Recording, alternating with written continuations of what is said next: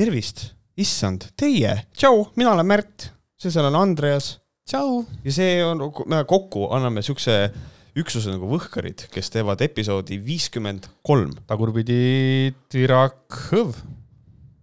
Tirakhõv. Tirakhõv, see on hea, see on täpselt, me räägime ainult tähtsatest asjadest, see on esimene ja äh, viiskümmend kolm on tagurpidi kolmkümmend viis, mis on. kolm pluss viis on kaheksa ja kaheksa jagada kahega on neli, neli. Ja see jagada kahega on kaks ja saatejuht on kaks, nii et kõik on, klapib. noh. Jüri Lina on meid õpetanud välja. lihtne. Äh, Võhkaritel oli sünnipäev, palju õnne, Märt. Äh, jaa, õige, ma tahtsin oma striimis ka mainida seda, sest ma nägin seda tweet'i, ma mõtlesin, damn, et kas tõesti. kaheksas juuli kaks tuhat kakskümmend ilmus meie esimene haigushoog mille me salvestasime seitsmes juuli. me tegime viimase Patreoni ja me ilkusime seal, et mis seitse null seitse on õige aeg uute asjade alustamiseks. Kaks tuhat kakskümmend, seitse null seitse me tegime esimese saate. ja näed. ja. Neil on õigus. ja veel üks huvitav seitsme maagia on no. sellega, et oota ma kohe äh, loen sulle äh, Andreas kirjutas siis seitsmendal aprillil kaks tuhat kakskümmend. tere, Märt! kui koroonakriis läbi saab, siis mul on plaanis ehitada üles uus iganädalane podcast, kus arutaks nädala kuumimaid teemasid. täpse kontseptsiooni paneks paika täpsemalt siis, kui mul oleks olemas äh, kaassaatejuht, keda ma sooviksin. kui see idee tuli, siis lendas pähe ainult üks mees, kellega koos seda saadet tahaks teha. sina. kas asjal oleks jumet ja kas sa oleksid käpp? Äh, ja Märt vastas äh, kolm tundi hiljem. hei, võib ju proovida muidugi see on see. siin me nüüd oleme. ja noh, nagu ma olen varem ka rääkinud sellest, kuidas saade on muutunud ja kui ma mõtlen ka seda, et plaanis üles ehitada uus iganädal podcast, kus arutaks nädala kuumimaid teemasid, siis see on ammu prügikasti visatud, sest me räägime täpselt nendest teemadest, mis me viitsime rääkida mm, -hmm. mitte nendest, mis on kõige kuumimad teemad. jah, no mis on tegelikult, mina leian ka nagu väga hea, sellepärast Just. et kuumad teemad on siuksed, et iga kuuma teemaga lihtsalt ei viitsi kaasas nagu käia ja me räägime nendest asjadest, millest me tahame rääkida, ma leian, et see ongi see ja kuumad teemad ongi äh, nende raadiosaadete jaoks ja see ongi see, et noh, et nagu ma olen korduvalt öelnud, seda te sellist teistsugust saadet nagu Võhkarid ei ole. ja Niši podcast'ist on saanud äh, natukene laiema tarbekaup, kui võib-olla ta. ma ei saa öelda, et oli plaanitud, aga võib-olla kui ma ise nagu arvasin, meil sai äh, kolmsada tuhat kuulamist, vaatamist täis ilusasti ma just mõtlesin, et, et see on nüüd see koht, kus sa ütled, et ja kõik teemad, mida meie käsitleme, me teeme need kuumaks seda, seda ka muidugi ja, ja inimesed ka. muidugi see ei tähenda, et me ei oleks kuumi teemasid näppinud, et selles mõttes, et oh, vahest on, vahest on nagu õnnestunud mm. -hmm. sa kirjutasid mulle siis, et uh, sul on plaanis üles ehitada, sul oli back-up ka siis, kui Märt ütleb, et uh, no thank you. ei olnud? Väga hea, näed. aga pani... ma võtsin, aga ma võtsin nagu pikalt hoogu ja ma arutasin siin Lemmega, ma küsisin Jüri käest luba, et kas tal oleks okei okay see. et kas ta mm. tunneks ennast kuidagi halvasti, et või midagi taolist, aga noh, erilasõpesa nagunii hakkas juba siin nagu lõppema tollel ajal. ja selles suhtes. ja veel statistikast, et siis äh, meie siiamaani siis kõige populaarsem saade on ikka veel Jussu kassib, millel on mhm. üksteist tuhat viissada kuulamist ja Loljas porgand on siis kümne tuhande kuulamisega teisel kohal, et need on meie siis kaks äh, hittsaadet ja äh, kui alguses oli plaan teha minul iganädalaselt, siis kui me hakkasime tegema ikkagi üle kahe nädala, siis ikkagi lõpuks läks nii, et me teeme iga nädal, et yeah., et üle kolmekümne saate on ka juba Patreonis ja Patreon on meil ka läinud ikka väga-väga korralikult huugama ja mm -hmm. Eesti podcast idest noh, tussikatel on rohkem, rohkem ma ei tea, kas kellelgi on veel rohkem.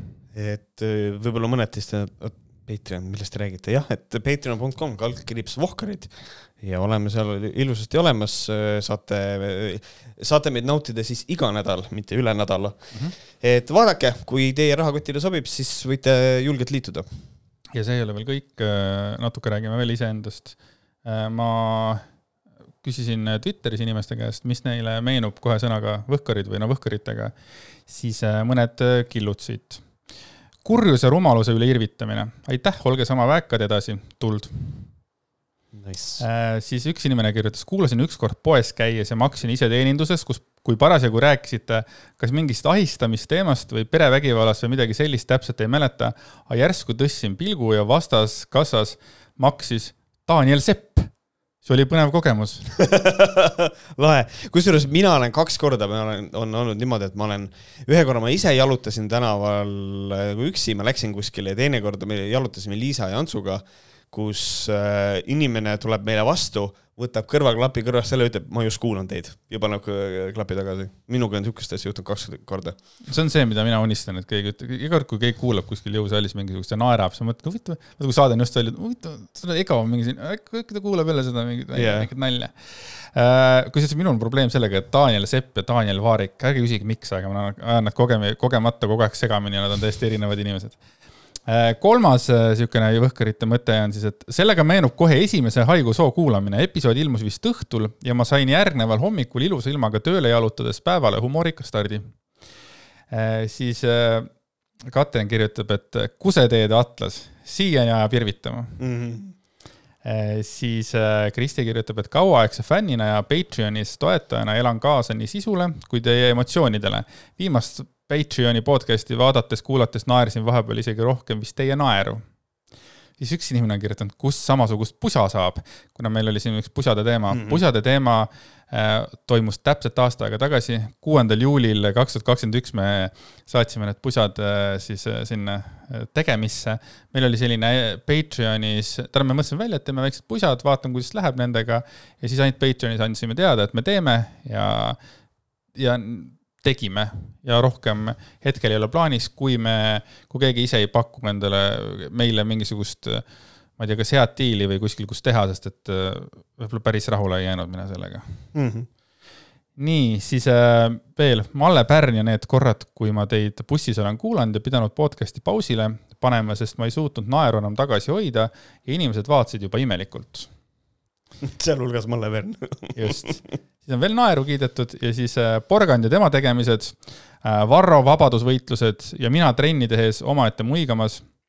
ja siis äh, Karmo klassikaline lause, Andreas Angry Logic. ja, ja. et Karmo on seda varemgi kirjutanud, ma kogu aeg üritan välja mõelda, mis see küll tähendab, aga ju siis, aga, aga ju siis see on see, et ma eeldan, et see, et, et kui mul läheb silmade eest läheb nagu mustaks, et siis tulevad lihtsalt sõnad äh, Äh, ja mingisugused asjad vist, mis muidu ei mhm. tule või ma, ma ei tea, mis see Angry Logic tähendab täpsemalt? ma arvan, et see on äh, sinu elukutsumus see välja mõelda mm. -hmm. ma ei anna sulle kõiki vastuseid aga sa tead vastust, onju? ma arvan küll, jah, ma võin sulle öelda ikkagi ka tegelikult, et ma arvan, et see Angry Logic on nagu see, kui sa eh, vihastad ja siis võtad siukse äh, Äh, emotsioonidest lähtuvalt ikkagi seisukoha, mida väga paljud inimesed tegelikult nagu mõistavad, et äh, ja, ja, ja nagu saavad aru, et, äh, et see on sihuke. aga kui sa peaksid mind parodeerima, mis oleks see, mille sa võtaksid minult nagu, mille kallal nagu hakata mängima? kas mingi issand, ma ei ole mõelnudki selle peale. praegu viskame lambist, kas mingisugune pigem ikkagi nagu selline kõne äh, või siis ikkagi mingisugune, ma ei tea, kehalised liigutused või ma, ma ei tea, ei, kusjuures noh, tõenäoliselt oleks see, et äh, no äh, habe oleks esimene asi, mille peaks tegema, siis peaks ennast kiilakaks tegema ja siis peaks võib-olla, et eh, istuksin, lihtsalt kuulaksin su juttu ja siis, kui sa oled umbes niimoodi kümnenda sõna, oota, mis sa ütlesid? Mis see tähendab aus, aus. midagi sellist. see on päris hea. et äh, ja siis, ja siis otse loomulikult, äh, mida sa ka just ütlesid, äh, sa oled ilmselt ise teadlik, et sa kasutad seda sõna väga palju. et kui ma kümnenda sõna peale ma küsiks, et mis see tähendab, siis iga kolmanda sõna peale ma ütleks aus, aus aus mina olin väga uhke enda lapse üle, siis kui me eile sõitsime ühte kohta ja siis Waze'is käis seal, see naine rääkis ja siis midagi mul äkki ei olnud Bluetoothi ühendatud või midagi ja siis ta nagu juhatas mind korraks valesti, onju, ja siis nagu Veljo küsib, et mis ta nüüd ütleb, siis ma ütlesin, et aa, tead, sa praegu tahad mingit joorupit, onju, samal ajal võtsin selle Bluetoothi, panin ta sisse tagasi ja siis äh, järgnevad äh, kolm-neli lauset, mis Mellu ütles, rääkis sellest, kuidas tädi ajab telefonis joorupit. ja ta rääkis pikalt sellest, kuidas see tädi ajab telefonis joorupit ja mulle tegi nagu veits nalja see ja ma veits olin uhke ka. jah see sõna on tegelikult mul ka vaikselt äh, sõnavara kin, nagu kinnitunud tänu sinule, et joorup on siuke sõna.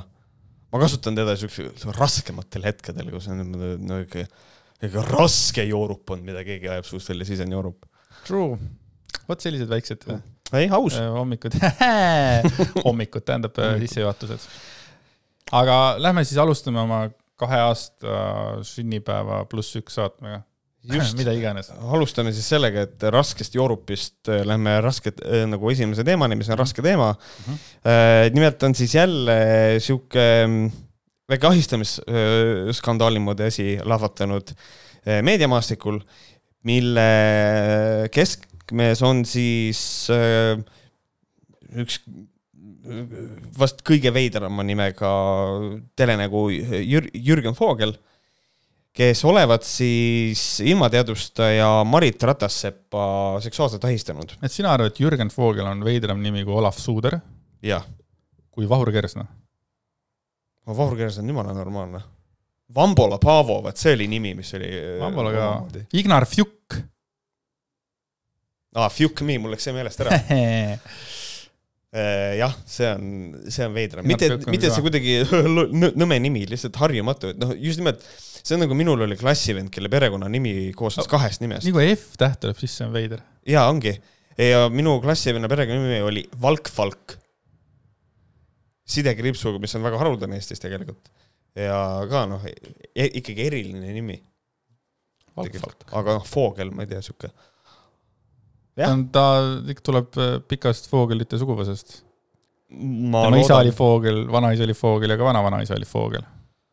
vot, aga tuleb välja, et siis äh, Voogel Jürgen on see, kes äh, olevat äh, ahistanud Marit Ratassepa, kes nagu ma ütlesin, oli ilmateadustaja ja see olevat siis leidnud aset äh, Postimehe saja kuuekümne viiendal sünnipäevapeol, kus äh, olevat siis teinud äh, agressiivseid lähenemiskatseid Kanal kahe uudistemagasiini reporter, endine saatejuht Jürgen Voogel.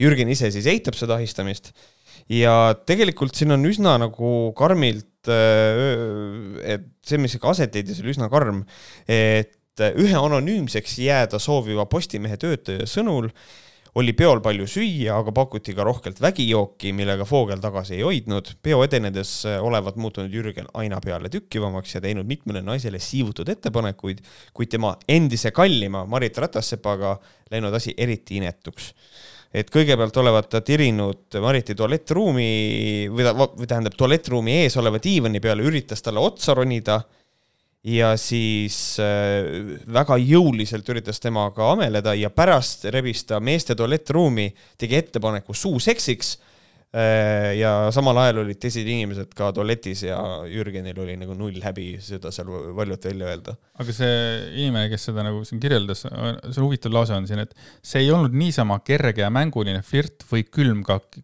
külmkapi taga musi norimine. kas sellise asja peal nagu tulla nagu, kui külmkapp ma sees, Taavi Rõivas. See ilmselt see ongi. arvad, et on mingisugune vihje? sellesse, onju? Väga jõuline katse temaga ameleda selle asemel hoopis. et see on ikka, ikka, inetu, ma olen Marit Ratassepaga ise isiklikult kokku puutunud, ta mängis köögiseriaalis kusjuures ettekandjat vahepeal. köök oli mingi, mis ta oli kakskümmend aastat tagasi või? Mm, Mis ta oli siis? Läheneb kolmkümmend, ta, Marit on ise praegu kolmkümmend, et siis ta oli äh, loode veel, kui, kui seda tehti. ei äh, jah, ja kusjuures ka Erik Ratassepp, tema, tema abikaasa, täpselt samamoodi, mõlemad mängisid köögiseriaalis.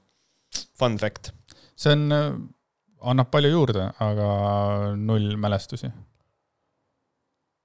jah I guess so, aga ühesõnaga nagu äh, sihuke, sihuke kole asi, et äh, äh, mõningaid inimesi häirib see, et, et kümme päeva hiljem läks politseisse avaldus. ma ei tea, minu arust on veider see, et vahepeal on inimestel probleem, et me too'ga tulevad jälle kakskümmend aastat vanad asjad ja siis, kui keegi tuleb kümme päeva vana asjaga, siis see on ka probleem. Ma ei tea, kohe tuleb et see peab ikka kohe, muidu on fake Kohe, vist, ma ei jah. tea et... või siis maksimum nagu üks päev, ma arvan, siis kui järgmine päev, aga miks järgmine päev, kui ta tundis ennast eelneval õhtul Mm. ähvardavalt? et see on tegelikult ikkagi selline asi, et noh, et äh, olla ahistatud, siis seal on ikkagi teatud nagu periood, kus on ikkagi inimene on kas šokis, ei taha selle asjaga tegeleda, üritab seda eirata ja siis, kui ta on suuteline kaine peaga mõtlema, et siis no ikka sihuke vaagimisaeg on ka, et see, need asjad ei käi sugugi nii lihtsalt, et kui Eesti mees ei ole suuteline kohe arsti juurde minema, kui vaja on, siis nagu sorry, millest me räägime, et aga jaa, siin on kirjas ka ilusasti, et nagu, et äh, eks politsei nüüd uurib asja, seal olid ju igal pool turvakaamerad üleval ja sealt on ju näha, kuidas või mis täpsemalt toimus. Jürgen ei oska alkoholiga vist piiri äh, pidada ja siis ta läheb eriti imelikuks ja agressiivseks, seda on juhtunud varemgi, et ta hakkab neid ahistama täispeaga.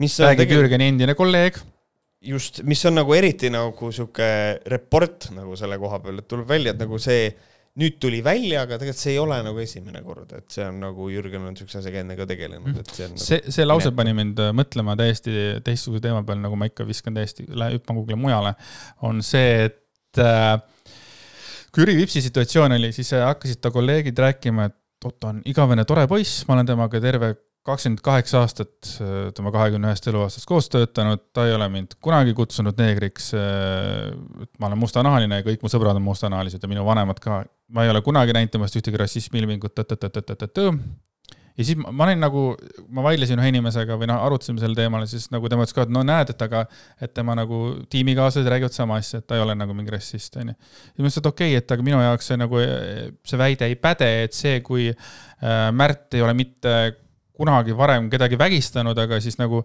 eile vägistas kellegi ära, et, et kas see siis nagu tähendab, et ta ei olegi siis vägistaja, sellepärast et no ta ei ole kunagi varem vägistanud ju mm. -hmm. nii, siis, aga samas, kui mul tuleb meelde kohe see Amber Heardi ja, ja Johnny Deppi juhtum, siis seal toodi kõik Johnny Deppi vanad pruudid on ju sinna, ma ei tea, kas kõik, aga vähemalt noh, ma tean, et Kate Moss seal tunnistas ja tema käest küsiti ka, et kas ta on mm. kunagi olnud nagu füüsiliselt vägivaldne, on ju. ja siis tema ütles, et, et ei ole, on ju. mis tähendab, et seal nagu see oli oluline informatsioon. aga minu jaoks näiteks Jüri Vipsi puhul see informatsioon nagu ei tee seda süüd nagu väiksemaks ja mulle meeldib tegelikult samas sinu see äh, point, et, et see, et ta, et, et, et, et noh, et Jüri Vips ei ole rassist, aga see, mis ta tegi, oli rassistlik. aga kurjategijate puhul, kui inimene ei ole kurjategija, aga see, mis ta tegi, oli kurja, kuritegelik, see ei päde ju. või kuidas see nagu süsteem nagu siis on? miks mingite asjade puhul on, ta ei ole rassist, aga ta oli rassistlik, aga kurjategija puhul ei ole sellist asja? et mis ta tegi, oli kuritegelik? ma ei saa, ma ei saa päris täpselt aru, mida sa mõtled, selles mõttes, kui inimene, kui me ütleme inimese kohta, et inimene on rassist mm, -hmm. siis see inimese kohta, see tähendab seda, et sellel inimesel äh, on probleem inimese rassiga, noh, mis on suhteliselt iseenesestmõistetav nagu tähendus, eks ole. aga Vipsi puhul? Äh, aga kui inimene ütleb midagi, mis on rassistlik, siis see ei tähenda seda, et ta peab ise rassist olema, vaid see võib tulla teadmatusest mingisugune sõnakasutus, näiteks noh, toome nagu näite, et ma õpetan lapsele, et ei, kõik inimesed on ilusasti võrdsed ja nahavärv ei, ei määra mitte midagi, aga kasutan käibesõnana kogu aeg N-wordi siis äh, minu laps õpib selle minult ära, kasutab ise N-wordi, aga ta ei ole rassist. aga selle sõna tähendus on rassistlik. ei, seda ma saan aru, aga minu küsimus on selles, et kas, kas kuriteol on võimalik ka niimoodi liigitada või? et see, mis ta tegi, oli kuritegelik, see... aga ta ei ole kurjategija või seal ei ole seda halli ala? juriidikas on võimalik, see on selles mõttes, et keegi äh, ma ei tea lööd naabril hambad sisse, noh, see peaks olema ikkagi kuritegu, onju. lööd, sa ei ole, sul, you have no criminal record, sa ei ole kurjategija, sa lööd naabril hambad sisse ja omavahel lepite kokku, lihtsalt ütleb sulle, et maksad hambaravi kinni. see, mis sa tegid, oli kuritegelik, aga sa ei ole kurjategija. nagu seaduse silmis. teise inimese jaoks moraalselt ta vaatab, mõtleb, et sa oled kurjategija, jah, selles mõttes see on natuke teistsugune. tuleme siis tagasi Jürgeni juurde, et aga kui siin ka nüüd ütleb nagu endine kolleeg, et seda on juhtunud varemgi, et ta hakkab neid ahistama täis peaga, siis see juba annab meile juba mingi eelsoodumuse arvamaks, et tegelikult on parajalt tõbras. jah, seda küll, jah, absoluutselt et noh, siin see ongi nagu. et keegi ei ütle, et ta on, et ta ongi nagu naiste ahistaja, aga ta on teinud naisi ahistavaid tegusid siis. ei, whatever jah, ühesõnaga, no me ei saa nagu sellega niimoodi võtta, me saame siin olla, et on kahtlustus, et ta on ahistaja, olnud enne ka, et äh, ahistanud inimesi, et, et sihuke, mina nimetaks ahistajaks inimest siis, kui on tõestatud, et jah, True on ahistanud mm -hmm. põhimõtteliselt. aga kahtlustus on kõva ja Marit Ratassepp ise äh, praegu juhtunust rääkida ei taha, ütleb, et äh, enne politsei uurimist töö lõpuleviimist ma ei taha midagi kommenteerida aus, mis on tegelikult jumala õige. ja siis äh, Põhja prefektuuri kriminaalbüroo seksuaalkuritegude ja lastekaitsegrupi eriasjade uurija ütleb, et politseile laekus kolmeteistkümnendal juunil äh, avaldus, kus avaldaja, kolmekümneaastane naine, kirjeldas, kuidas käesoleva aasta kolmandal juunil neljakümne kolme aastane mees teda tahtevastaselt seksuaalselt ründas. et ja otse loomulikult Voogel ütleb, et pole niisugust asja olnud, ei vasta tõele et uh, full on uh, nope, never happened uh,. nüüd mind huvitabki see, et kas see kaamerate asi nagu on, on, on seal päriselt ka nagu kaamerad, seepärast et kui Vogel ütleb, et mul ei ole midagi varjata, tean, et seal midagi sellist ei juhtunud. jah yeah., kusjuures, aga naljakas on see, et ta ütleb, et tal ei ole midagi varjata, kuigi tegelikult on see, et ta läks ju töölt ära, mis on minu arust natukene naljakas, et, et tegelikult ta läks omal soovil küll ära. Aga minu arust on veider, mul ei ole midagi varjata, aga läks töölt ära, muidugi ta vabandab seda sellega, et ta läks töölt ära sellepärast, et ta tundis, et ta karjäär ei edene ja et teised olid tähtsamad ja kõike seda. ja siis Jürgeni väide on see, et mingit diivanile pikali murdmist ei ole olnud, ei ole olnud WC-s sündsusetud ettepanekuid, ütleb, et ei vasta tõele ja mina oh,, oli hea mina nägin Kõlas hoopis, eh, mina nägin hoopis, et Marit oli eh, Tõnis Sarapiga, kes on siis teine Kanal kahe saatejuht, kellega ta tantsis ja suudles. ja Jürgeni sõnutsi tantsis Marit eh, ka temaga ja püüdis teda suudelda, siis vahepeal istusime diivani peal ja vahepeal ta käis Tõnisega ära ja tuli tagasi. Mingisugust seksuaalset ahistamist ei ole olnud et siin tegelikult toimub nagu selline, et noh, et tegelikult ta käis seal teiste meeste juures ja kõike seda. ja minu arust läheb asi eriti kahtlaseks siis, kui on, et äh, ta räägib sihukest juttu veel otsa. mina kuulsin, Jürgen Vogel siis, mina kuulsin seda peol, keegi rääkis, et Marit ei tohtinud üldse peole tulla abikaasa takistas tal sinna minemast ja tal olevat väga sassis suhted abikaasaga ja ta tahab sellest abielust väljuda ja äh, see on veider. see on väga veider, sellepärast et ta ütles, et mina kuulsin seda peol, keegi rääkis, cool, cool.. tal ei ole, tal ei ole isegi mitte mingisugust nagu. see on siuke, ma otseallikast sain. et see on ja. veider. mulle isiklikult. miks see nagu siin oluline on? mulle isiklikult tundub, et Marit vist äh, on vist suhtes selle Tõnis Sarapiga ja püüab seda varjata. et noh, siin on nagu see, et either way, ütleme, et see vastab tõele, ütleme, et see ongi nii ja isegi kui see on nii siis ikkagi ei ole okei okay naist WC-sse tõmmata, kuigi noh, ta väidab, et ta ei ole seda teinud, aga kui tuleb välja, et ikkagi tegi, siis vahet ei ole, kas neil on suhe Karil, kas neil ei ole suhe Karil, kas ta oli mingi teise mehega seal vahepeal, aga kui sina tahtevastaselt äh, naise tõmbad WC-sse, pakud talle riista suhu, siis see on, äh, see on ahistamine, palun lõpeta et, et, et see ei ole okei okay., aga selle, kogu selle narratiivi sissetoomine on minu arust natukene naljakas. et noh. vahel ma hakkan uppuma ja siis proovin veel kellegi kaasa võtta. jah, et, et, et see on täpselt siukene, ei mis asja, kuulge, see naine seal amelis teiste meestega, aga üldse tal on abielu ka perses, noh, see on täpselt siukene nagu what, nagu mm -hmm. see ei ole ju teema ju praegu. aga jah, nad siis olid nagu siin kümme aastat tagasi Äh, lühiajalises suhtes ja läksid suure kismaga lahku. mina ei soovinud suhet, Marit soovis, ütles Jürgen.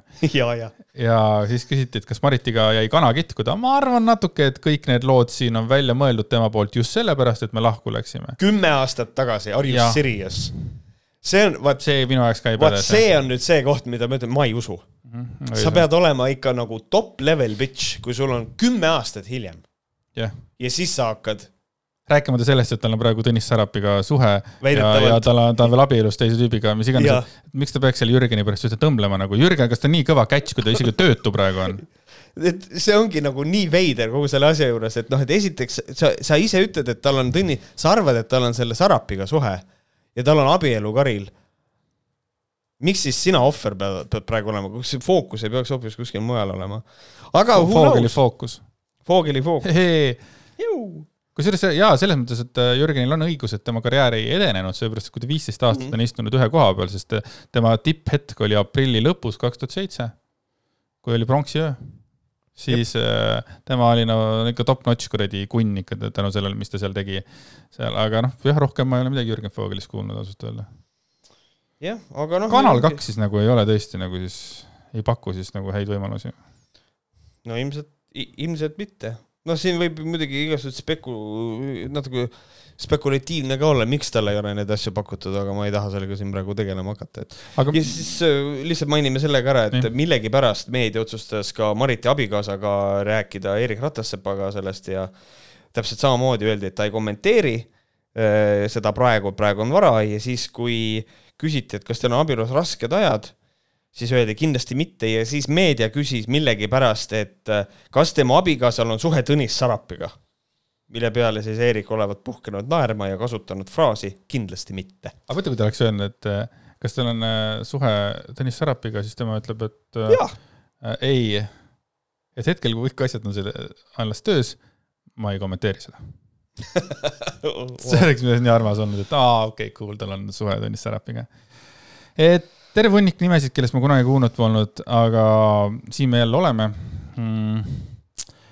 nagu ikka, ma võtan äh, Ratassepa poole. jah, mina lihtsalt ütlen Hetkel Mariti poole et, siis. mehed, ärge olge sead, ma ei tea. vaatame, kus see asi omadega viib. jah, vaatame. äkki, äkki on vana hea kokkuleppemenetlus ja mitte keegi mitte kunagi ei kuule sellest. Who knows? Aga selles mõttes küll Maritil müts maha, et ta niimoodi ikkagi selle kohe avalikkuse ette tõi ja see ikkagi on ikka fucking, see võtab ju jälle julgust, sest see, mis nagunii, ma muidugi hetkel ei ole vaadanud neid kommentaare, aga ma kujutan juba ette, kus see asi jälle kõik on see, et ise on loll ja ise suudles teiste meestega ja mida iganes, vaata mm. -hmm. ja see on loll lits, mis seal kindlasti on. arvame, aga äh, rääkides menetlemisest, holy shit äh,, rääkisime siin Kersti Timmerist üks saade, ja eelmine saade, tavasaade. See oli meie eelmine tavasaade ja et täitsa lõpp, et mingisugune nimetati soolapuhujaks ja läks Vahur Joa vastu kohtusse, Ekspress Meedia vastu kohtusse ja täitsa putsis ja võitis. ja täpselt äh, Võhkarite kahe aasta sünnipäeval, kaheksandal juulil äh, õhtupoolikul saabus kohtuotsus, millega peab Kirsti Wallstein Timmerit soolapuhujaks nimetanud ja tema kohta valeinfot avaldanud endine ajakirjanik Vahur Tšõua avaldama artikli, kus valeväited ümber lükkab.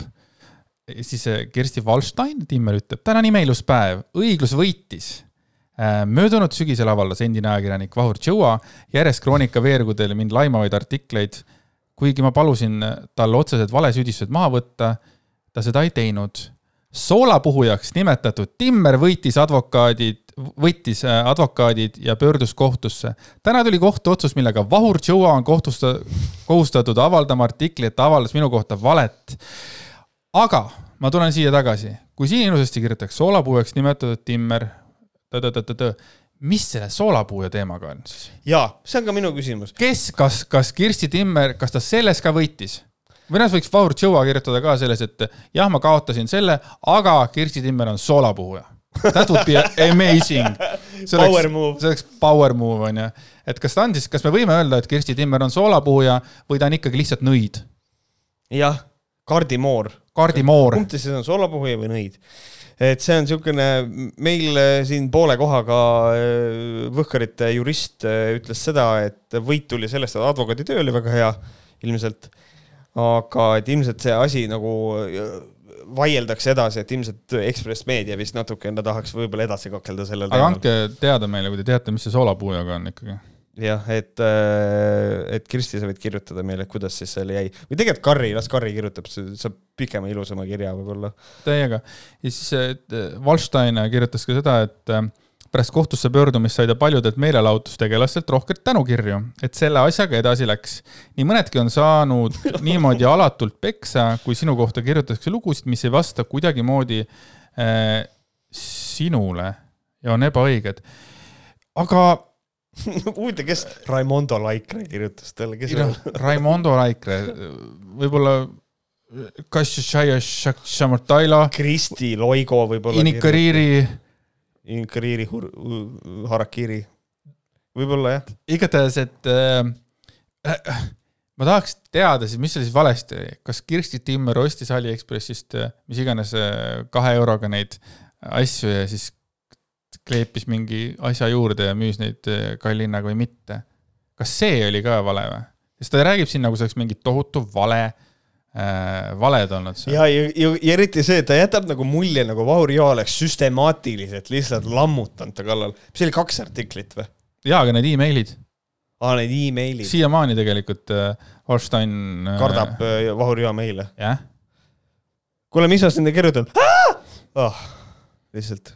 ta, ma usun, et tal on ka kindlasti mingid võnked ka samal ajal, kui Vaarjo kirjutab, ta juba tunneb arvatavasti ära selle nõiaenergiaga seda.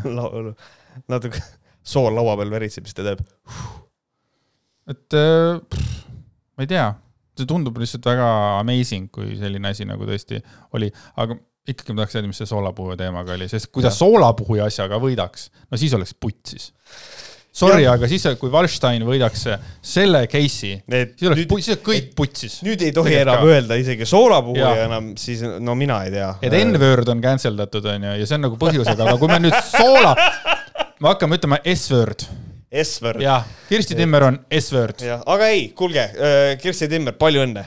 Jaa, palju õnne tegelikult see on nagu tegelikult ka öö, tulla, minna Usain Boltiga saja meetri jooksus ja- imekombel võitjaks tulla, minu meelest kõva saavutus. jah, sest Vahur Joa on Usain Bolt. ta on kindlasti Eesti ajakirjanduse Usain Bolt. et öö, ma ei tea, palju õnne ja palju õnne Eesti kohtusüsteemile ka minu poolt, et see on äge. mida rohkem ja kiiremini me muutume Ameerikaks, seda, seda cool im on.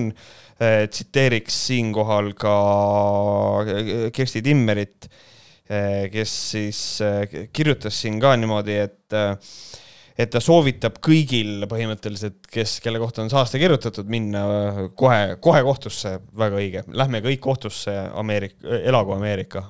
America fuck yeah, ma, davai. America, fuck yeah, Coming along to say the motherfucking day yeah. America, fuck yeah.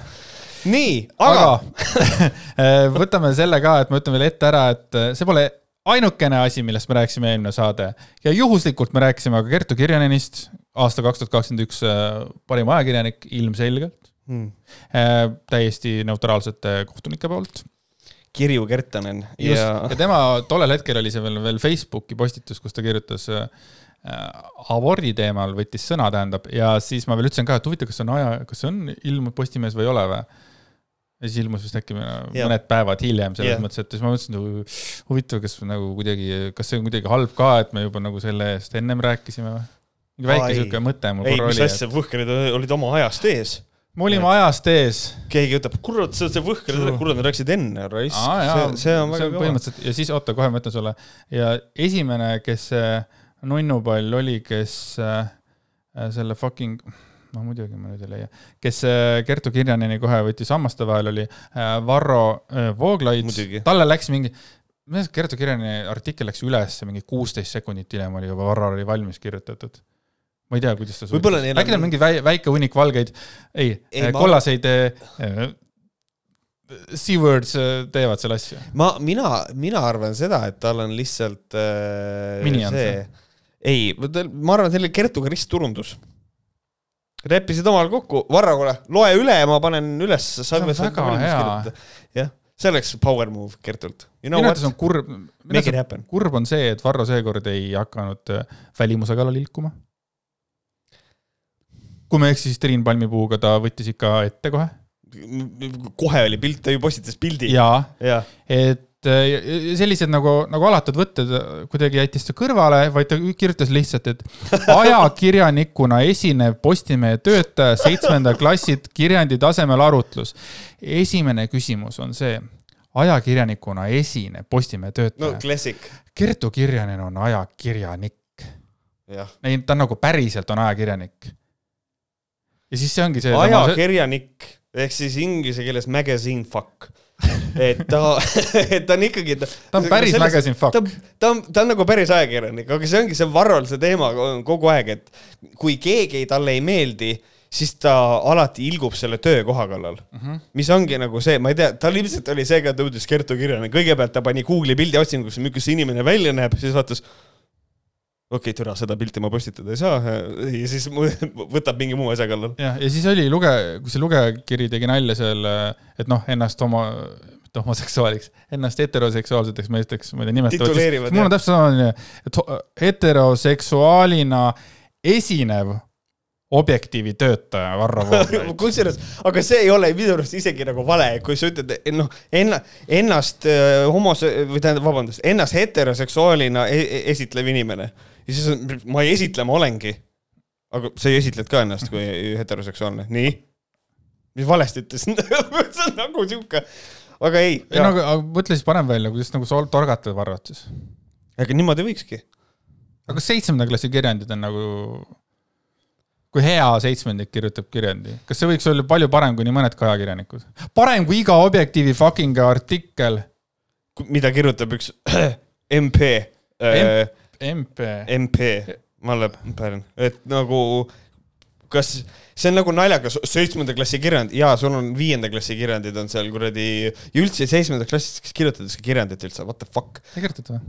minu teada Mina mitte, aga ma samas mina käisin koolis nii kaua aega tagasi, mina ei tea, võib-olla mina mäletan, ma esimeses klassis ma kirjutasin juba esseesid inglise keeles mingil põhjusel. hmm.. vot see šokeeris mind praegu, see no aga see oligi nagu tõde. see, see nüüd, see, see nüüd oli siis tõde. aga Varro ei olnud ainus, sest et kui Varro juba räägib, siis on, ärkavad ka teised konservatiivid ja ärkas ka otse loomulikult Madissoni mul Jaak. on sulle üks äh, tähtis äh, kuldvillaka küsimus. nii, kumb on vanem? kas Varro Vooglaid või see tüüp, kellest sa rääkima hakkad? Jaak Madisson või? Varro Vooglaid on vanem. no räägi edasi, ma otsin. Ma ise ei tea vastust selles mõttes. see kuradi Madisson on ikka, on ikka noor, noor võrreldes temaga. Holy shit! ta on nii noor või? ja, ja, ja see on üllatus. püha puts on, ei no tegelikult ka, ma arvasin, et tegelikult, et, et, et, et see Nolgina, aga no noormees on, ta on pigem minuvanune, Jaak. aa ei. ei, Varro on pigem minuvanune ja Jaak on pigem sinuvanune. mm. -hmm. Jaak Madisson on sündinud üheksakümmend üks, -hmm. üheksakümmend fucking, ta on kolmekümne ühe aastane või?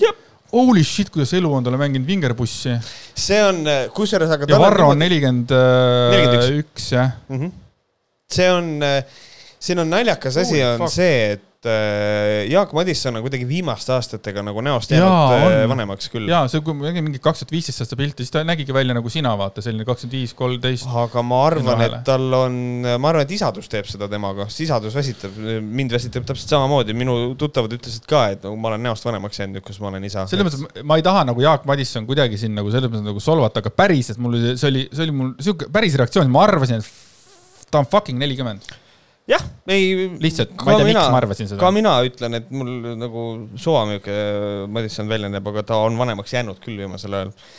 aga loodan, et ta ise on, on vähemalt õnnelik, sest et äh, ta öösiti äh, väisab klubisid kella nelja paiku. jah, aga noh, ta on olnud väga õnnelik, et ta on saanud Kertu Kirjanenile vastu kirjutada artikli ja see on, siin on võib-olla mõned mõtted, mida tahaks kommenteerida. ja ma lõikasin päris palju välja, sellepärast et äh, see on palju igavat juttu, ma võtsin need, mis on põnevamad. just, just ähm,. nii, näiteks autor toob välja erinevaid põhjuseid, millistel juhtudel võiks naine soovida teha aborti. tsiteerides autorit, näiteks naine võib soovida aborti, kui lootel esindab väärareng samuti võib rasedus ohustada naise tervist, aborti võib soovida naine, kes teab, et ta on vägivaldses suhtes või kel pole majanduslikult võimalik last üleval pidada. ning mõnikord võib naine lihtsalt last mitte soovida sellise argumentatsiooniga üritab ajakirjanik jätta eksitavat muljet, nagu oleks peamiseks põhjuseks lapse väärareng, vägivaldne suhe või lihtsalt vaesus. ning lõpuks vaid eh, mõnikord lihtsalt ei soovi last saada. Ütlen vahele ära, et funktsionaalne lugemisoskus on kas puudulik või ollakse siin teadlikult intellektuaalselt hästi ebaaus, sellepärast et tegelikult Kertu äh, kirjatükki lugedes, võttes arvesse kogu meie kallutatust selle inimese suhtes, on meil ikkagi väga keeruline välja lugeda, et need on peamised põhjused, kui see statistika, miks tehakse aborti, on tegelikult meil olemas riigiti tegelikult, et et see on nagu natuke na- naljakas seisukoht Jaagu poolt. kuigi ei ole võimalik täpselt kõikidel juhtudel kindlalt, kindlaks teha põhjust, on uuringute põhjal järeldatud, et sageli on põhjuseks väga lihtne asjaolu, mõtlematu seksuaalkäitumine. Äh, arutleme selle üle ja palun. mm. -hmm. kust võib tulla äh, mõtlematu seksuaalkäitumine? Mi, mis sa nagu arvad, täitsa out of the blue nagu, et mis võib olla see põhjus, miks eestlastel ja no, paljudel, noh, paljudel on see probleem sellega, et on mõtlematu seksuaalkäitumine? noh, vastus on see, millest on kogu aeg räägitakse, et mida Eestis võiks kogu aeg propageerida, on otse loomulikult seksuaalharidus. Ehm, Jaak Madisson on fucking EKRE-s EKRE on no, väga tugevasti selle vastu, et äh, seksuaalharidus kui selline tuua natukene nagu madalamatesse klassidele või üldse nagu või lasteaedadesse või noh, tule kuhugile poolele teele vastu või kuhu iganes. ja nad mm -hmm. räägivad EKRE-ga kogu aeg seda, kuidas on koduse fucking kasvatus. nüüd on kodune kasvatus, siis äh, teeme näo, et see on nagu probleem, on ju, et see ongi, see ongi fucking äh, seksuaalkäitumine ongi nüüd nagu kodune kasvatus äh,. äkki siis teeks midagi äkki siis fucking teeks midagi ja selgitaks, kuidas need siis asjad võiks käia, on ju. ja see ka sageli on põhjuseks väga lihtne asjaolu, mõtlemata seksuaalkäitumine. Äh, kelle poolt? kas ta räägib naistest praegu? kas põhimõtteliselt on seksuaalkäitumine mõtlematu naiste poolt? ma tegelikult arvan seda, et seksuaalkäitumisel äh, vähemalt Jaak Madisson on, on selles mõttes noh ähm, ma leian seda, et Jaak Madissoni suhtumine näiteks kontratseptiividesse ja kõigesse sellesse on eh, tõepoolest erineb ülejäänud EKRE omast, ma, ma, ma eeldan ja eriti kui me lähme veel sinna ekstreemsemasse kuradi Varro Tsunfti. et mina eeldan seda, et Jaak Madisson täiesti selgelt ütleb välja, ütleks välja selle, et see mõtlematu seksuaalkäitumine nii mehe kui ka naise poolt. no ma loodan, et sel juhul, et eh, sul on õigus ja Jaak on piisavalt nagu mm -hmm tark, sellepärast et ei no kuradi kummiga on kuradi kehva panna kummiga, paneks, paneks ilma ja tunne, mitte kummiga üldse nii hea, noh ja siis ta ütleb, noh, et äh, seksuaalkäitumine, seda on hästi kajastanud küll kümme aastat vana artikkel Postimehes, kuid ei ole olnud uuemaid uuringuid, mis lükkaks need väited ümber. ja nüüd see on see koht, kus mina ütlen, äh, mina ütlen seda, et äh, ma kahtlen väga sügavalt, et tegelikult abordi põhjused on riigiti meil oluliselt väga erinevad, ma ei usu seda ja, ja tegelikult, kui vaadata uuringuid, mida on tehtud mujal maailmas, siis tegelikult peamiseks põhjuseks ei ole mitte mõtlematu seksuaalkäitumine, aga on inimeste sotsiomajanduslik olukord. ehk siis just nimelt ka see, mida mainis Kertu, ehk siis peamine põhjus reeglina, miks otsustatakse lapsi mitte saada, on see, et Äh, lihtsalt kas äh, kardetakse majanduslikku, oma majanduslikku olukorda, ma ei jõua last üles kasvatada, või siis mingi muu nagu sotsio, nagu sotsprobleem, mis on nagu see, et kas tõesti mul on vägivaldne suhe, kas mul on lihtsalt tugivõrgustik on olematu, ma ei saa ise hakkama, no need põhjused on, on mitmeid ja mitmeid. ja ma tegelikult puhtfilosoofiliselt läheneks sellele asjale ka niimoodi, et äh, mõtlematu seksuaalkäitumine ei saa olla abordi põhjuseks. sellepärast, et mõtlematu seksuaalkäitumisega jääb inimene rasedaks ja me saame abordi põhjuseks tuua põhjuseid, miks olemasolev rasedus katkestatakse. sest et seksuaalkäitumine ei ole põhjus, miks kasutada aborti, vaid miks jäädakse rasedaks. täpselt samamoodi ma võin öelda seda, et rasedus on mõtlematu seksuaalkäitumise põhjus. ja sedasama printsiipi kasutades, kui me ütleme seda, et ei tohi mõtlematult seksida, et siis on vähem aborte, jah, aga täpselt samamoodi ma võin öelda seda, et see, et sina oled sündinud, on äh, abordi põhjus võib-olla, sellepärast et sina võib-olla teed kunagi aborti. ehk siis me võime sedasama printsiipi nagu laiendada nagu ka, et mina leian seda, et abordi põhjuseks nimetada äh, rasestumise põhjust ei ole lihtsalt nagu korrektne, ma leian, et see on veider lihtsalt. et, äh, et see on, see on minu arust väga-väga veider. aga kas kunagi on õige aeg? mõtlesin, eh. et kui inimene ikkagi, ikkagi midagi teha ei taha või tal ei ole, siis, siis seda õiget aega ei tulegi. sa mõtled, et õige aeg laps saada või? tead, mis iganes, hakata tervislikult toituma, mida iganes, alati on ikkagi, kui ikkagi ei soovita seda, siis kuidagi aeg lükkub edasi. ma ma arvan, et õige aeg on siis, kui seda asja lõpuks tegema hakatakse, et see on, et see, et ma tegema hakkasin, tähendab, et see oli õige aeg, ma arvan, et see kõik on nagu tagantjärele siukene pigem. sest enda, enda puhul äh, mina, tuntud äh, aborditegija, äh, et ikkagi minu jaoks oli õige aeg last saada nagu selles mõttes nagu koos oma abikaasaga, siis kui ma leidsin nagu selle inimese, kellega ma tahan last saada mm. -hmm. tegelikult on ju see kõige olulisem see on päris hull olla tegelikult, et isegi kui inimesed teevad nagu, ma ei tea, vigu ja, ja see, ja see tüüp ongi täielik psühhopaat vaata, siin on veel see asi ka, et tegelikult mille peale minu arust väga palju ei mõelda, on see, et abordi tegemise põhjused on suurelt osalt samad, mis on need põhjused, miks ei taheta last saada nagu üldse algusest peale mm. -hmm. Need on tegelikult samad põhjused. et äh, inimene, kes äh, ma ei tea, kas mis iganes vahendit ta kasutab, kas on need pillid, on see kondoom või siis äh, mitte seksimine. ei, Paljas Porgand ütles, et kõige parem on mingi lugeda mingeid päevi, tal oli mingi ah,. kalendermeetod, mis, mis on, äh, mida võib nimetada Jaak Madisson abordi põhjuseks äh, vabalt siis sellisel juhul, aga tegelikult, et need põhjused on ühed ja samad, et miks ma ei taha rasedaks jääda või siis miks ma tahan aborti teha, need on, need on sarnased, lihtsalt selle erinevusega, et abordi tegemine ei ole kunagi naistele tegelikult lihtne otsus, nii nagu seda arvab Jaak Madisson. ei, kõik konservatiivid arvavad, et lihtsalt, et lähen käin korra ära ja siis lähen peole edasi. ta vist isegi kasutab siin sõna vist mugavusabort mm, -hmm, mis mhm, on üliäre äh, kuid Jaak ütleb seda, et kuid selle põhjuse eemaldamiseks on olemas üks väga toimiv lahendus ja see on, et kasutada kaitsevahendeid. taaskord, palun räägi seda oma fucking äh, EKRE-le tulge siis nagu, tulge siis kuhugi keskele, ma ei tea, vastu siis liberaalidel või kuidas see saab olla, et nagu kogu EKRE on kogu aeg vastu sellele kaitsevahendite teemale, nüüd siis tegelikult Madisson ütleb no kõva häälega see välja lihtsalt, kasuta kaitsevahendeid. miks teised seda siis ei? see on natuke, see, see on kummaline jah. tubli Jaak, et sa selle välja jah, see on väga progressiivne. see on väga progressiivne, kas ta nahutada ka sai Helmete käest, mis on pederastide asi?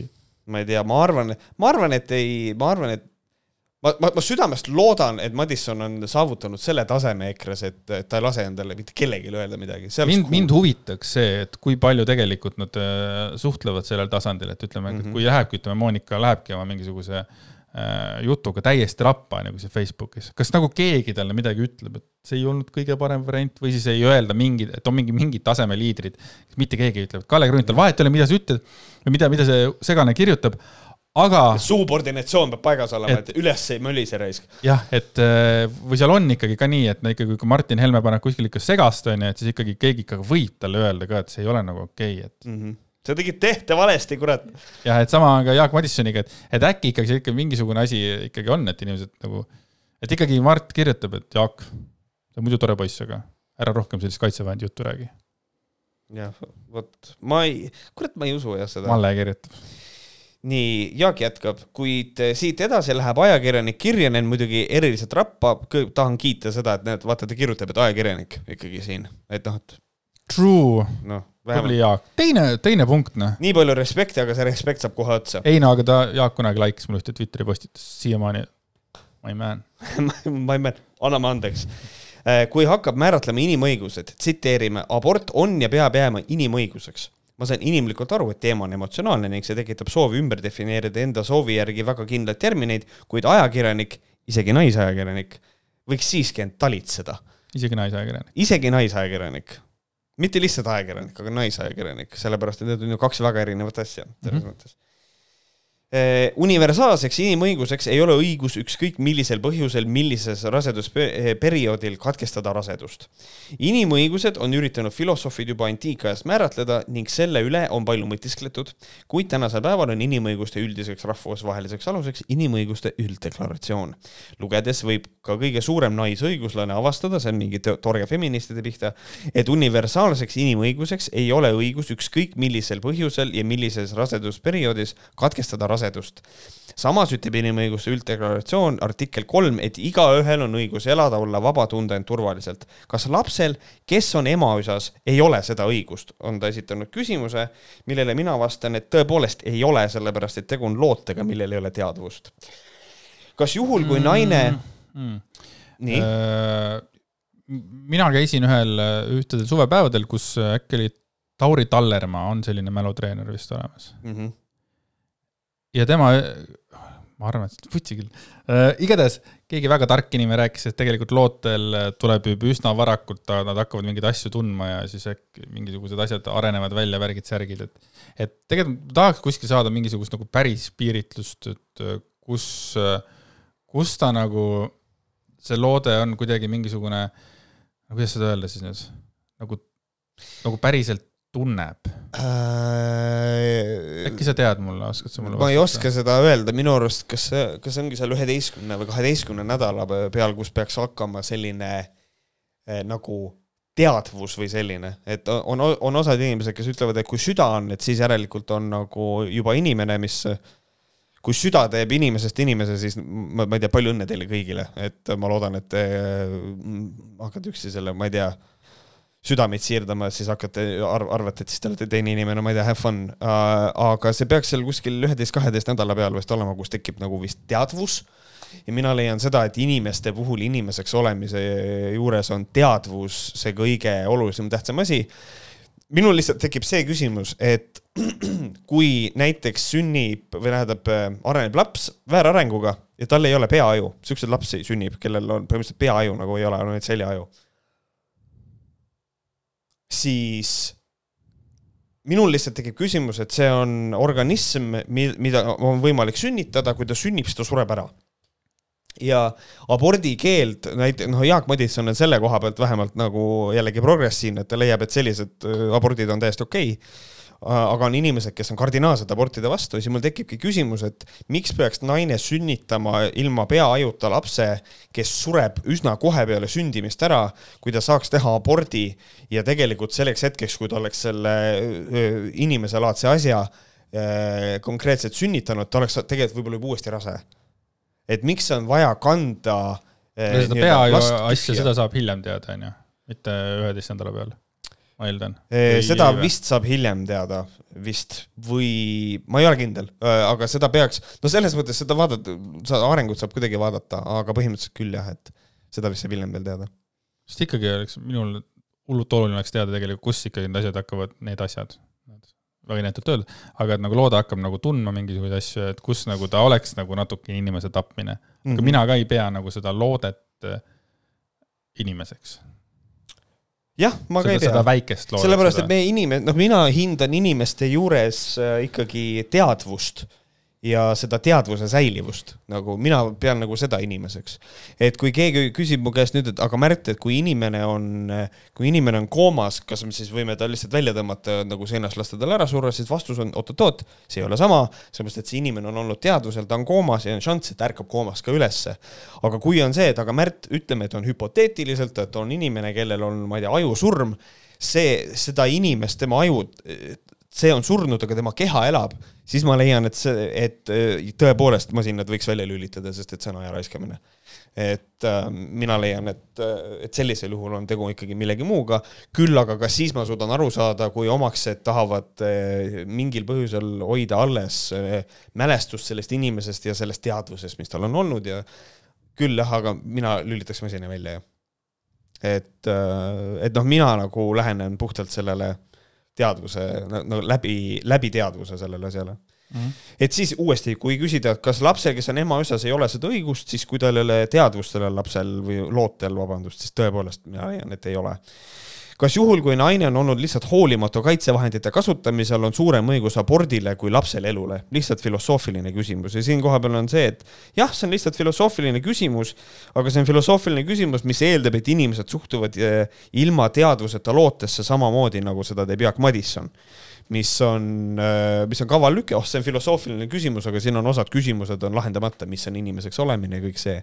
et eh, see filosoofiline küsimus on tegelikult laetud juba ja veider on see slip-up tal siin, et nüüd selle koha peal ta mainib, et naine on olnud hoolimatu. see on tal slip-up täielikult, seda ta on kogemata teinud siia, ma arvan, mõtlematult. või oli mul ikkagi õigus? sest kui ta rääkis sellest kaitsevahendite asjast ja sa ütlesid, et Jaak Madisson arvatavasti mõtleb meest kui naist, aga siin ta ütleb puhtalt naine. aa ei, ma, ma, ma, ma, ma täpsustan, Jaak Madison ütleks, et ta mõtleb nii meest kui naist, aga ma arvan, et peaasjalikult tema peab silmas naisi. tegelikult. sest et naised ei tohi kunagi litsi lüüa, naised ei tohi kunagi magada mitmete meestega, üldiselt on nagu selline suhtumine. kui Jaak arvab teisiti, siis äh, mul on ainult jumal tänatud äh,, et see on nagu suht progressiivne, sest Jaak on suhteliselt progressiivne võrreldes siin mõnede teiste konservatiividega siiski. äkki see on, äkki see on nüüd see, kus vanus hakkab mängima veits või? Kus see maailmapilt on veitsa laiem. võimalik. arvestades, kuna ta on ikkagi beebi veel, vaata nagu mina nii, Jaak jätkab, kuid konservatiivina hindan ma kõrgelt õigust igaühe arvamuse ja mõttevabadusele, mida muide rõhutab seesamune inimõiguste ülddeklaratsioon artiklis üheksateist. Siin ta põhimõtteliselt selle jutuga nagu legimitiseerib oma seisukohta, et näete, ma toetan inimõiguste deklaratsiooni ja seeläbi Kertu Kirjaneni seisukohta, seega näete, vaadake, kui, vaadake, kui ilusasti mul on, ma hindan neid asju ja sellele samale dokumendile toetudes ma loen sealt välja, et abort ei ole inimõigus, sellepärast et loode peaks elama, kuigi tegelikult see küsimus, kas loode kui selline on inimene, on omaette küsimus, eks ole igalühel, ehk siis artikkel üheksateist, igalühel on arvamuse ja sõnavabadus, see eh, õigus kätkeb eh, vabadust sekkumiseta, ühesõnaga blablabla bla, bla. ja edasi arendas ajakirjanik väga tüüpilist väidet, samuti on aborti sooviv naine ainukene, kellel peaks olema selle sõnaõigus. miks? sest et see on tema keha kuid sealt edasi väidab, et kogu vastutus ei peaks ja ei tohiks laskuda vaid naise õlul, on väga ohtlik mitte teadvustada meeste rolli sellistes olukordades. esiteks kehast oma keha on loomulikult autonoomne, igalühel on õigus oma kehaga teha, mida hing soovib, kuid probleem tekib siis, kui me räägime ühest väikesest kehast teises kehas ja see väikene keha on üldse tekkinud kolmanda keha osalusel. seega me räägime kokkuvõttes kolmest seotud kehast. Seega, kas on õigus rääkida absoluutsest õigusest oma kehale, kui on tekkinud teine keha ning seda mitte pühast vaimust, kuid kui rõhutada, et vastutus ei peaks olema vaid naiste õlul, millega ma olen täiesti nõus, siis millisel alusel on õigus ainult üksinda otsustada teise keha õiguse äh, üle tema elule? jällegi selle koha peal rõhub, rõhub Jaak ikkagi sellele, et nagu loode, ükskõik kui suur on ilmselt tema arvates ikkagi inimene, millega mina ei ole nõus, aga siin on, mina leian küll see, et eriti kui see on alles loode ja see kasvab naise sees, siis on naisel ikkagi väga suur sõnaõigus ja tema keha sees ja temal on autonoomne otsus võtta see otsus vastu, et, et äh, see, et teha abort. mina, mina lisaksin veel omakorda selle, et ta nagu räägib sellise äh,, mina loen seda välja, nagu mehed nagu hullult tahaks neid lapsi. jah, jah. et, et, et ärme unustage seda ära, et kui ma, mina ütlesin nagu enamasti on ikkagi nagu need mehed on need, kes ütlevad, kuradi aborti võiks teha ikka, kuradi tee aborti, ma ei taha, no eriti kui need on tulnud kuskil mingi juhu või mis iganes asjade puhul. noh, noored mehed ei ole väga eager to be a daddy's, juhusliku seksi eh, noored mehed jah, just, et ma, ma tahaks teada, kui palju on nagu selliseid olukordi Eestis olnud, kus mm -hmm. kohas mees ütleb, et aga saame lapse päriselt, mm -hmm. naine läheb, teeb abordi yeah.. et meil on ikkagi, seda asja tuleb ikkagi vaadata läbi nagu selle, et meil on ühiskond ikkagi patriarhaalne. et selles mõttes, et mehed tihtipeale omavad naiste üle teatavat võimu, et eh, see on ka nagu oluline asi, mida nagu selle koha peal nagu äh, natukene läbi intersektsionaalsema prisma seda asja võib-olla vaadata. aga ma usun, et seal on ikkagi mingisugused äh, erinevad juhtumid, jälle kohe, kohe automaatselt, kui mingi asi on, siis ma kohe panen nagu kuidagi nagu enda, endaga seostan seda, et ütleme, et kui, kui mina ja ütleme, minu abikaasa, ma ei tea, ta abikaasa jääks rasedaks ja siis tema tahaks teha aborti, aga mina väga tahaksin seda, aga ütleme, et meie suhe oleks juba natuke sassis äh, siis ole, siis oleks selline niisugune, niisugune nagu Jaagu mõte, et, et samas, kui ma nagu väga tahaksin ja vanus on juba sealmaal ja mm -hmm. samas see on naise keha ja, ja meil on juba tuksis vaata, onju, no jah, et see on tegelikult. see on tegelikult, see on nagu ras raske teema, et. see on väga raske teema, selles mõttes mina saan nii palju aru, et ja, ja kui see naine siis otsustab teha abordi niimoodi, et sina ei taha, et ta teeks aborti, siis, aga siis on see asi on siis asi on juba tehtud ja nagu sul ei ole teha muud, kui lihtsalt minna ära ja elada oma elu ja leida keegi teine, kellega jah, kui selline asi juba toimuks, siis ilmselgelt see oleks juba et aga ja. see, kas naisel on õigus seda aborti teha, mina tõstan kakskümmend üles, on küll jah, sest et see laps või see loode ikkagi täpsustaks, loode kasvab selle naise nagu sees, et selles mõttes see on niisugune väga hästi selgitatud, jah. ma ei ole nagu ekspert, aga ma ei, tähendab, ma ei ole nagu Kertu Kirjaneni mõtete ekspert, aga mulle jääb mulje, et Kertu Kirjanen äh, selle meeste nagu rollist rääkides peab nagu silmas seda, et millegipärast meil ühiskonnas on niimoodi, et kui me räägime äh, rasestumisest ja abordi tegemisest, siis see on alati, alati naistega seotud kogu aeg mm. -hmm. et, äh, et noh, et, et kuna naised jäävad rasedaks, siis naised peavad kogu aeg kõige vastu, alati vastutama. kui aborti on vaja teha, siis naised vastutavad, kui aborti ei tehta, siis naised vastutavad. et see on, et millegipärast see, see mehe roll ühiskonnas on ikkagi natukene teistsugune. aga ma ei eeldagi, et Jaak Madisson sellest tegelikult aru saab, sellepärast et see süsteem, kus ta elab, see talle väga hästi sobib True. ja ta ei suuda seda kõrvalt vaadata ja siis äh, Jaak ütleb karmid sõnad. olgu öeldud, et üks kõige madalamaid ühiskonnakihte on mehed, kes ei võta vastutust oma järglaste eest ning jätavad emad koos lastega ilma igasuguse hoole ja abita. nii, mis oleks Jaagul lahenduseks pakkuda? ma tahaks seda teada. vot, see on hea küsimus. see on tegelikult väga hea küsimus, sellepärast et see eeldaks äh, mehe, ühiskonnas mehe rolli peale vaatamisele miks on võimalik, et mehed niimoodi saavad elada, kuskohast see suhtumine tuleb, kuskohast see nagu see tegelikult. äkki see on see libera-, liberaalide suhtumine, vaata käivad ja ooravad ringi ja neil ei ole mingit pereväärtust ja ta-ta-ta-ta-ta ja. jah, just, kuigi tegelikult on nagu see, et no kui me hoiame mehi ühiskonnas kõrgemal positsioonil, see annab meestele teatavad õigused ja meestel on nagu see, et, et noh, üldiselt on niimoodi, kui isa jätab öö, oma lapse ja naise maha siis me võime öelda küll, oh ta on madal ühiskonnakiht ja kõik, aga samal hetkel seesama naine pannakse üksikvanema rolli mm. -hmm. ja üksikvanema rollis on konkreetselt, siis tuleb sul kuradi teine EKRE poliitik, ütleb, et ei, te ei või kuradi hangetel osaleda. et see on nagu, et siis üksikvanemad, et nagu sorry, jah, tõesti, elad lapsega kahekesti, aga we don't care about jah, neil on see süsteem nagu tõesti läbi mõtlemata kuidagi minu arvates EKRE-l see on, see on naljakas. nii, äh, Jaak jätkab, see on tõsine probleem ja sellega tuleb tegeleda, kuid mehel, kes on rasedaks teinud naise, ei ole õigust öelda, et katkesta rasedus, kuna ma tegelikult ei taha vastutada oma tegevuse eest, kuid samal ajal vastutab ta igakuiste alimentidega, sest naine ütleb ise, magasid minuga, tegid lapse, nüüd vastuta tõstke käed üles kõik naised, kes te olete öelnud öö, äh, oma siis lapse isale, kellega teil on tuksi läinud, et ise magasid minuga, tegid lapse, nüüd vastuta. nagu, kust selline nagu asi tuleb? Ja samal ajal vastutab ta igasuguste aliment, alimentidega, et noh, tead, ma olen kuulnud selliseid lugusid ja, ja tean, kuidas mehed eh, mehkendavad ja näitavad enda eh, sissetuleku, sissetulekuteks suurt nulli, omades ise eh, erinevaid kortereid ja majasid nagu täitsa nagu hästi lähedalt mm. tean sellist, selliseid situatsioone, ütleme sellist suurt situatsiooni ja see on täiesti pöörane, kus meestel on vaja kuradi näidata, kuidas neil pappi ei ole, et nad ei peaks maksma siis tuleb siit postscriptum, mis näitab, et Jaak on taaskord väga progressiivne. mina isiklikult ei toeta täielikku abordikeeldu.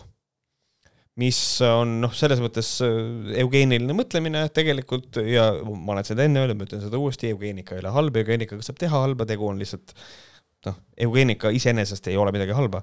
et, et, et otse loomulikult, et nagu ta isegi loeb siin, et äh, ma ei näe ühtegi põhjust, miks peab aborti maksma osaliselt kinni maksumaksja rahast, kui tegemist ei ole vägistamisjuhtumiga või ohuga ema või lapse elule ähm, mina lihtsalt äh, täiendaks, ütleks Jaagule selle koha peale seda, et äh, seda peaks just nimelt maksma maksumaksja osaliselt nagu kinni, sellepärast et vastasel juhul äh, suureneb tegelikult selline tagatoa abortide arv ja seda on, eh, seda on erinevad uuringud seda ka näitavad, et abortide arv ei jää väiksemaks, kui abort ära keelata tegelikult.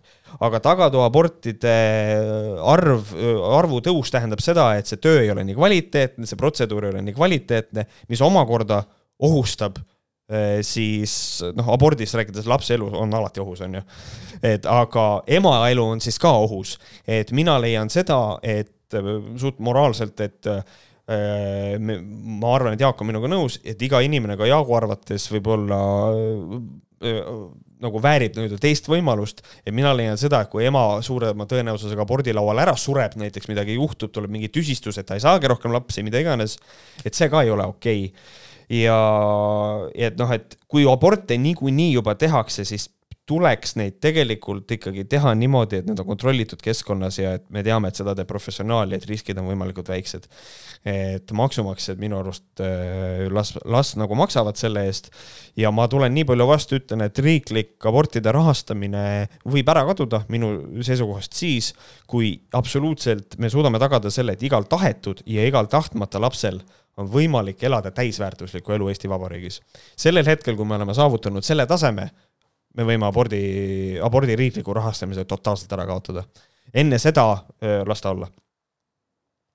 jah siis ta jätkab nagu eelpool sai toodud välja, siis sellised juhtumid väga harvad, ehk siis noh, vägistamisjuhtumid ja ohuga lapse elule, mis tegelikult ei ole üldse vale, et selles mõttes, et äh, kui me räägime sellest, et lootel on väärareng ja vägistamisjuhtumid, siis me räägime ühekohalistest numbritest, kui me räägime protsentides nagu, et seal on üks protsent ja niimoodi tegelikult. küll aga on oluline ka meeles pidada seda, et abordi statistika on suht vildakas, et nagu vist me eelmises saates ka rääkisime ka, et tegelikult, et äh, kui on iseeneslik abort ehk siis lihtsalt ühel hetkel nagu rahvakeeli öeldakse, laps kukub alt ära nii-öelda, siis see läheb ka abordina kirja mm. tegelikult ikkagi ehm,. kuid äh, jah, kuid kui olid vastutustundetu oma vahekordadega ja soovid teha aborti, siis tasu ise. ajal, kui me korjame sente kampaaniatega, et ravida vähihaigeid või kui üksikema toetus ongi vaid üheksateist koma kaheksateist eurot, nagu Gabrieli Kirjanen õigesti märkis. ta on proua kusjuures. ta on proua tegelikult jah Äh,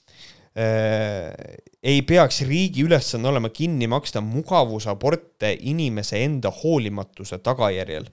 Ähm, ja mina saan nagu selle koha peal olla hästi nõme ise ka nagu Jaak enne, olla intellektuaalselt ebaaus ja öelda, et noh, tegelikult äh, et noh, et nüüd Jaak arvab, et abort ongi hästi lihtne asi, millega tegeleda, et oh, ma lähen teen aborti, aga mm. tegelikult see ei ole niimoodi ja kui me räägime veel rahast, üksikema toetus, siis ma tahaks Jaagule öelda seda, et kallis inimene, sa ikka saad aru, et abort on selle koha peal riigile odavam, kui see laps üles kasvatada pärast kuskil lastekodus.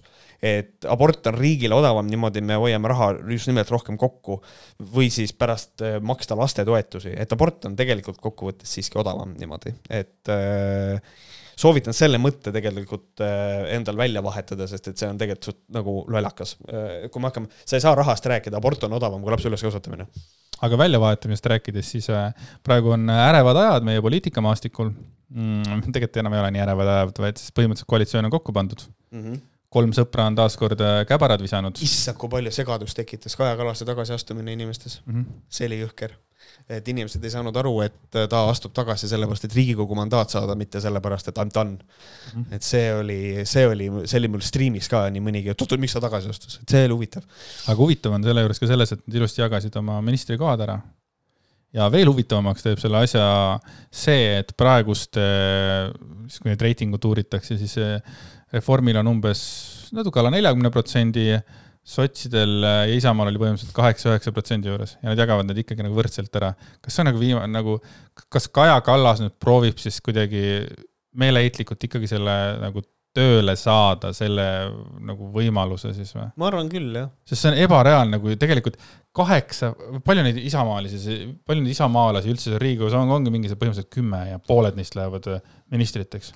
ebareaalne. ei no, vahet ei ole, no tea, teeme näo, et see on kaksteist, noh. fraktsioonide suurused peaks olema netis üleval ka. et ma ei, tea, ma ei viitsigi vaadata, aga et nagu põhimõtteliselt pooled lähevad juba ministriteks ära nagu ja siis äh, Helir, Helir-Valdor Seeder on ikka nagu kusikas, vaatab seal nurga taga nagu kuradi ma selle Yellow Bastardi näoga ja jälle tema nagu, ta võiks minna ükskord fucking sinna ministriks, sest praegu tuleb sama situatsioon, okei okay, võib-olla sama situatsioon, aga sarnane situatsioon nagu Jüri Ratasega, et kuradi fucking kõige kõvem äh, kunn siis istub seal kuskil mujal ja ta ei ole nagu valitsuses. mis kuradi, mida see Seeder teeb, kas ta on, kas ta kardab võtta vastutust või kas ta nagu, mis tal häda on? ma ei saa aru sellest türa küll no. nagu võta siis, tahaks nagu öelda, Kris Kala, võta vastutus, mees, ja mine siis kurat, äh, ole minister veits aega. Jeesus Kristus, Andreas. noh. sa ei tea fraktsioonide suurusi ja sa ütlesid, et kas üksteist või kaksteist, tead kui palju on või no.? kaksteist. no näed. mida perset? noh, ja, ja pooled lähevad neist nagu ministriteks. Vau, päris hea saavutus. et äh, mõtle, kui äge, kui Kruusimäed oleks. kuule, äkki sa oled, kuule äkki sa pead hakkama ka kaarte panema ikkagi? ma panen kaarte. Endale. jah, aga kaartidest rääkides äh,, Marilyn Kerro äh, on taaskord äh, jaganud meiega oma teadmisi. konkreetselt ta, ladus tarokaarte. ta ladus tarokaarte üksteise peale, et saada selgust, milliseks kujunevad suure hinnatõusu tagajärjed eelseisva kaheteist kuu jooksul. ja siis ta ütles, meid jäetakse selle kõigega üksi ja mõjutaja on otsene naisterahvas. paremaks siin küll ei lähe, pigem tulevad veel hullemad hinnad. inimene hakkabki vaatama, mille eest maksta, sest kõike enam maksta ei saa. see on igapäevane asi muidu inimestele, et nad vaatavad, mille eest maksta, sest kõik, kõige eest ei saa maksta. aga see on huvitav, et, et et tagajä-, et tähendab, oot-oot-oot-oot, et järgneva aasta pärast on siis, et mõjutaja on otsene naisterahvas hinnatõusul. mis see tähendab? see tähendab seda, et ma rääkisin kodus abikaasaga ka sellest, see on nagu, mul oli täna see päev, kus kohas ma vaatasin Võhkrite dokumenti, siis ma käisin Liisa juures rändtimas sellest, Mhm. millised on inimesed. mida Kerro teeb, on see, Kerro loeb uudiseid. kes ei loe uudiseid aa, mingi Putini naine või? kes ei loe uudiseid okay., on äh, see, kes tarbib Kerro materjali ja Kerro vaatab lihtsalt poliitilist olukorda, siis kirjeldab, teeb lihtsaid, selgelt loetavaid ennustusi, mis on väljaloetavad, näiteks see, et kes on vali-, kes on järgmine peaminister, Kaja Kallas loomulikult, see on väga ilmselge, et see äh, uus koalitsioon saadakse tööle, tegelikult see on olnud kindel ähm,. tead, ma hakkasin vahepeal kaotama usku juba. see oli ikka Mina aju, see oli juba ajulage kuu aega või kaua nad kuradi, mille üle mille üle nad nagu seal vaidlesid üldse nagu. mina lõpuni välja uskusin sa oled väga tubli. sa võitsid siis ka meie ennustusvõistluse, nii et,, ja mina ja siis see ka, et küll on hinnatõusud ikkagi, ennustab hinnatõusu, mis on fucking ilmselge, ta võiks juba koroonalainet ka ennustada, siis oleks nagu full, nagu full house mm. -hmm. ja, ja inimesed, kes peavoolumeediat ei tarbi, vaid tarbivad ainult Kerrot, vaatavad, issand, ta ennustas ja läkski täppi. kes ei see, naisterahvas on siis? sa pead, sa pead lihtsalt tegema mitte midagi muud, kui lugema natuke, mitte isegi väga palju uudiseid. ja iga asi, mida Kerro ütleb, on nagu jaa, jaa, kui ma loen uudiseid, siis see on väga mis on otsene naisterahvas siis? See asi, kes see otsene naisterahvas on? mõjutaja on otsene naisterahvas. see on Kaja Kallas kasvõi. hinnad tõusevad, raske on, keda ikka mina mõtlesin, et sa mõtled seda, et eh, kuskil oli a la mingi korbestiilis mingisugune artikkel selle kohta, et mingi miks Putin nii vihane on, mingi, mingi naine, vaata kuskil on. ei, Kerro annab Kuskil lihtsalt võimaluse laps- laps- kellegi suunas viha valada. tegelikult. ja mõjutaja on otsene naisterahvas. Ma ei tea, mis asi on mis otsene otsene naisterahvas on, ma Otsene- mõtlengi seda, et otsene mõjutaja on naisterahvas. ei, ta on otsene naisterahvas, ta ei ole kaudselt naisterahvas. otsene. põhimõtteliselt kohe kukuvad ära mingid transid. ta on otsene naisterahvas. et mis on siis null koma kolm protsenti. äh, Oh. That's a bad one, Andres, aga okei oot, oot, oot, oot, oot, miks see bad one oli? see on nagu, selgita mulle, kus ma vea tegin, ma tahan teada. see on, see on, see on, see, mis sa ütlesid, on natu-, see on natukene transfoobne. Transfoobne, okei. natuke transfoobne, sellepärast et mingid transid kõlab hästi koledasti. okei, okei. sellepärast, et transnaised me ikkagi käsitleme Ma neid ühiskondlike kohe- naistena. mm. -hmm. Um, ma mäletan, et kuskil oli mingi teema sellega, et kas nagu äh, see võib olla, sa oleks võinud öelda, et noh, mis, mis, et mis jätab Jaa, siis oota, ainult cis-naised. oota, oota, nagu transnaised, et äh, ja siis vaata, et äh, mingisugune, et transnaised ja naised et, et et transnaised, et äh, nad ei ole ikkagi naised, sest me võtame mingi selle ära, et nad on transnaised, mingi ta-ta-ta. ma nagu mõtlesingi selle peale, et transnaiste jaoks on ju ole, oluline, et nad on ikkagi transnaised või ei ole või? või see ongi minu jaoks, aga see, aga see, aga see, aga see ongi, ei, aga sa see ei on, saa aru, see ongi jumala putsis teema, sellepärast et see ongi aga, aga tegelikult, seetõttu ma praegu ei, ei, ei, ei, ei arvanud, ma, hakkasin kokutama, sellepärast ma hakkasin, siis ma ei arvanud, et ma olen praegu tegelikult äh, transfoobne või homofoobne, vaid ma paningi selle siia nagu, et mingid transad. no see on, see on nagu eriti inetu siin mida öelda, jah. et ma selles mõttes ei mõelnud seda kuidagi solvavana. tegelikult nad saavad aru, selles mõttes kuulaja saab aru sellest, aga, aga see ongi tegelikult üsna, üsna keeruline teema, et selles mõttes, kui me räägime, mis on see, et olla transsooline on tegelikult äh, äh, mõne inimese jaoks ka väga oluline identiteedi osa, et selles mõttes, et noh, et ma ei ole. türa, sa jälle räägid paremini, noh, et, et noh, see on see, et jah, et keegi ütleb jah, ma olen trans ja see on oluline, et ma olen transnaine, et, et inimesed saaksid aru, mis on minu struggle ühiskonnas mm.. võrreldes sellega, kui olla lihtsalt naine. vaata, see on, ma olen praegu astusin Reformierakonna sinna nende ahvide juurde, vaata, kes nagu ütlevad asju valesti Aa, ja, siis, ja, siis, ja siis on see, et ja siis on olemas Märt, kes võiks olla lihtsalt äh, kuradi PR ja praegu minul oli Märdi PR-i vaja lihtsalt. Delete the tweet, kustuta see tweet ära. jah, okei okay., aga, aga endiselt ühesõnaga, kui te va- vaadake Kerro ennustusi, te saate aru, et tegu on lihtsalt inimesega, kes äh, parafraseerib uudiseid veits ja ongi nagu ennustused. aga Kerro ütles, et inimene hakkabki vaatama, mille eest maksta, sest kõike enam maksta ei saa. nüüd on jälle küsimus, kas ta räägib toidust? ei, ta räägib, kõik enam ei saa maksta, siis hakkab maksma, no mille eest maksta? ei, ma mõtlesin, et kas ta hakkab, hakkas nagu üldiselt, et ma ei maksa enda äh, seda elektrit, vaid ma ostan nagu toidu või ta ikkagi räägib nagu pigem nagu nendest toitudest ja asjadest? ma arvan, et äh, ta räägib just nimelt seda, et noh, mingid arved jäävad maksmata, et äh, kuskilt on vaja hakata kokku hoidma, olgu see noh, inimesed kipuvad toiduarvelt hakkama kokku hoidma alati, mis tähendab seda, et nad hakkavad odavat toitu ostma, mis on ka halb, aga või siis on lõpuks hakkavad, jäävad elektriarved maksmata. sa ikka need munadel ikka vaatad numbreid peale, onju. mis asi, et munadel. munadel? mina Ikka ikka vaatan ja, ja, ja jaa. ma ei, ma keeldun ostmast, mul on kahte tüüpi kanamune, mida ma ostan, kas on vabalt peetavad või on õrre omad ja õrre omasid on siis, kui vabalt peetavate kanade mune ei ole. ma olen isegi mahe oma, mahe munade peale läinud hoopis, kui ma ei saa töö juurest ühe tüübi, kes omakorda mm. -hmm. õnnelikke kanasid seal kodus kasvatab. Yeah. siis ma lähen mõnikord lähen endast välja, kui ma näen, et seal on noh, kõrge hinnaga muna, onju, no sest et nad maksavad seal kolm ja Jah. üle selle onju. ja ma teen lahti, ma vaatan seda muna, kus on fucking number, Mhm. ma ei saa seda osta. sest ma ei tea, mis number see on, Mm -hmm. ma ei saa aru, miks neid siis nagu peal ei ole poes. vaata, see on see, et osadel, osad kanad on äh, geneetiliselt ei ole arenenud sinna, et nad, nad, Nendel ei ole numbrit peale,. nad ei pane ise numbrit peale, jah. Muneti on vist selle nimi, kus see muna välja tuleb, mun-, Muneti või? et kas nad löövad ise, kas, kas seal on mingi väikene tempel on seal nagu seal äh, ma ta, ma tahtsin öelda sõra juures, aga noh, seal oma väikse, mis see on see? sa kujutad endale ette ka, oota, mis see kanal on?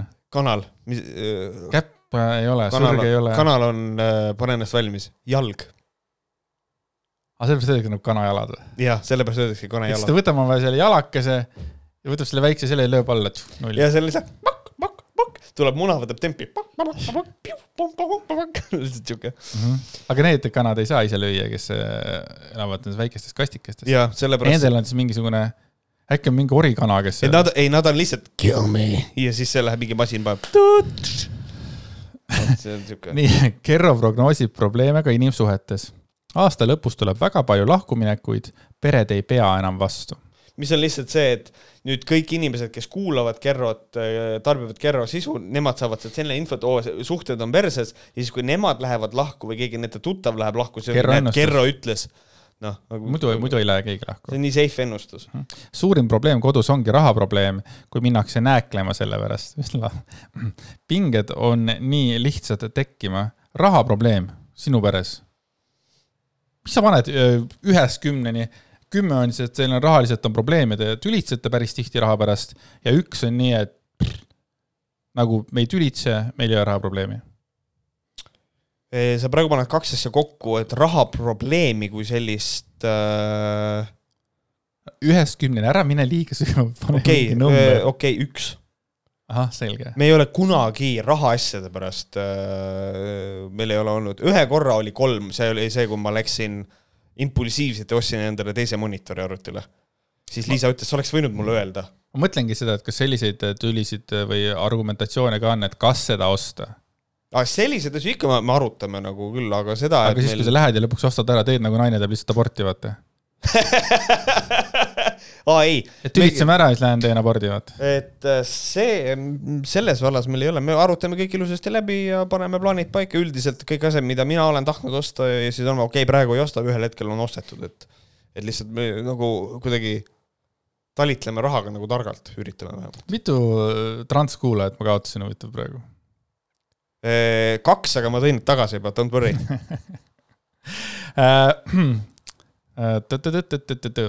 Mingi maks tuleb juurde, midagi, midagi, midagi liikumisega sead, seotud, midagi tõsist tõstetakse veel. mingi maks tuleb seotud. juurde.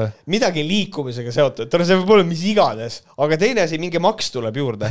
lihtsalt, oh look, ei liver. lihtsalt mingi maks tuleb juurde.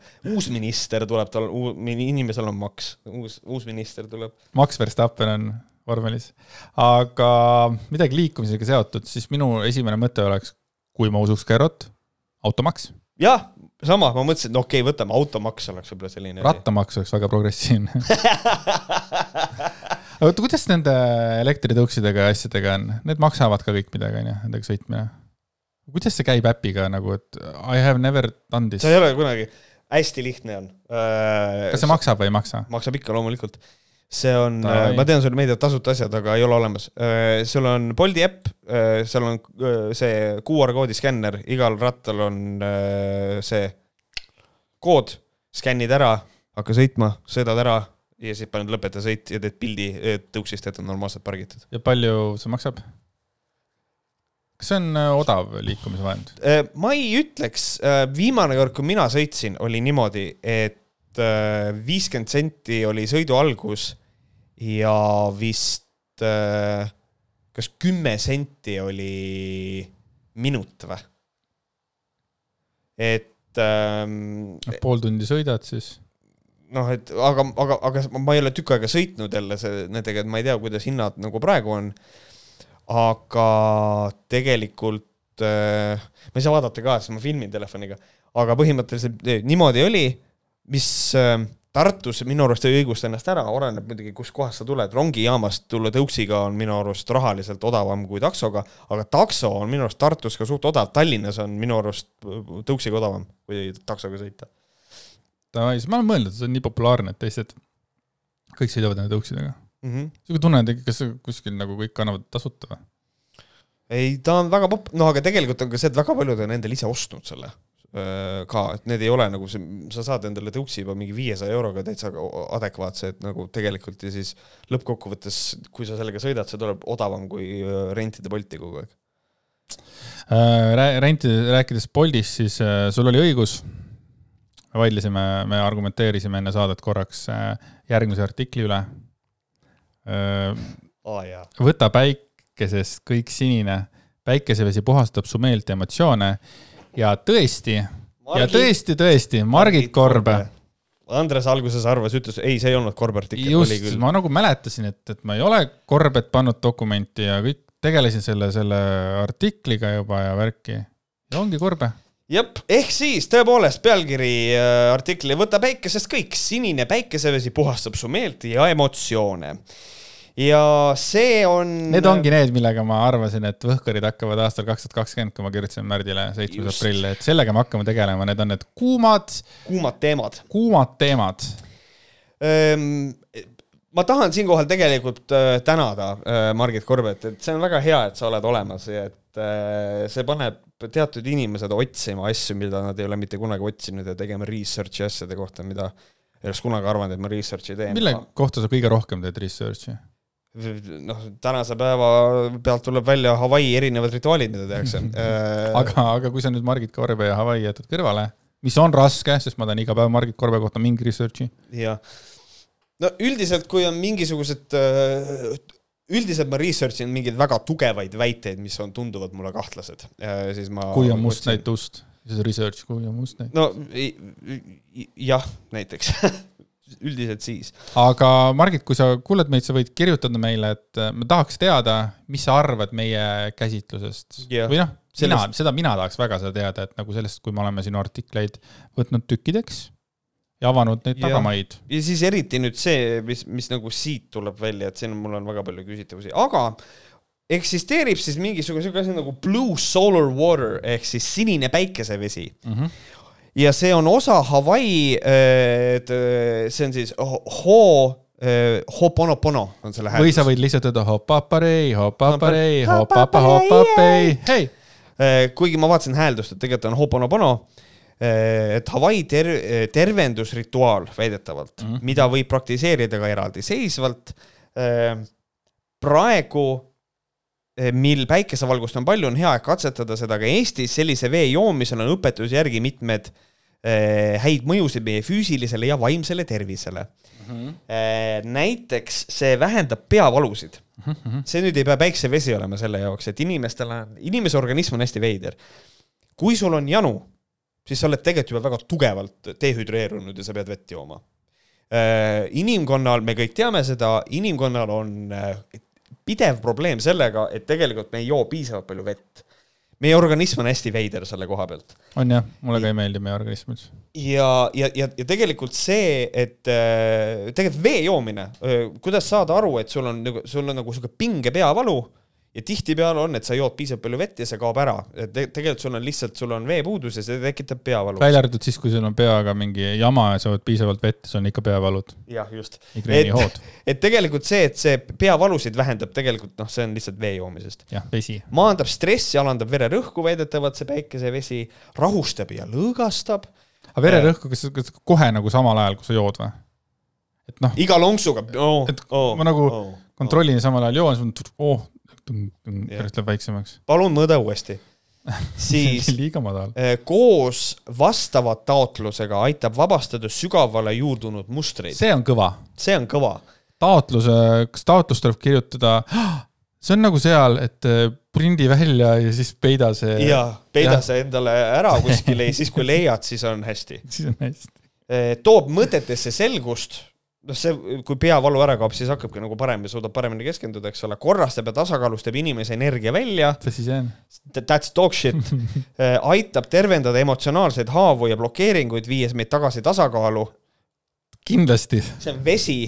Äh, avab su südame, see on tegelikult südames olev auk on väga tõsine meditsiiniline konditsioon, see on väga halb, vastupidi, siin on midagi sassi läinud. ta mõtleb sellega, et teistele inimestele, kui Mellu teeb mingit pahandust, vaata, ja ta nagu on äh, õel kellegi vastu, ahah, sa mõtled nii hoopis? siis oota, siis, siis see, me ütleme oma tütarkesele, et tee oma süda lahti. ja see on põhimõtteliselt sama, mida Korbe ütleb selle vee kohta. et ta teeb meie südame lahti, mis tähendab, kui Mellu ei ole vastuvõimeline võtma hetkel meie soovitust äh, tee oma süda lahti, me anname talle Blue Magic Waterit. Vot väga hea. ja viimane on ka, tõstab loovust uh,. seda Mida- on vaja. mida ma usun, sellepärast et olles lugenud Margit Korbe artiklit, ta kindlasti joob seda. ta joob seda kogu aeg ja ta joob, vot tema joob liiga palju. vot, aga nüüd räägime sellest kuradi äh, sinisest energiaveest seoses äh, Ho'oponoponoga, mis on siis äh, siia kirjutatud, et see on tervendusrituaal ähm,. see ei ole täpne, et siin on võib-olla Margit on siin midagi sassi ajanud või mis minu jaoks on natukene äh,, mis on minu jaoks võib-olla õige pisut äh, viitab, et võib-olla tegu mingi tõlk, tõlkeartikliga üldse või kuskilt äh, keegi on Margit ei tee selliseid asju.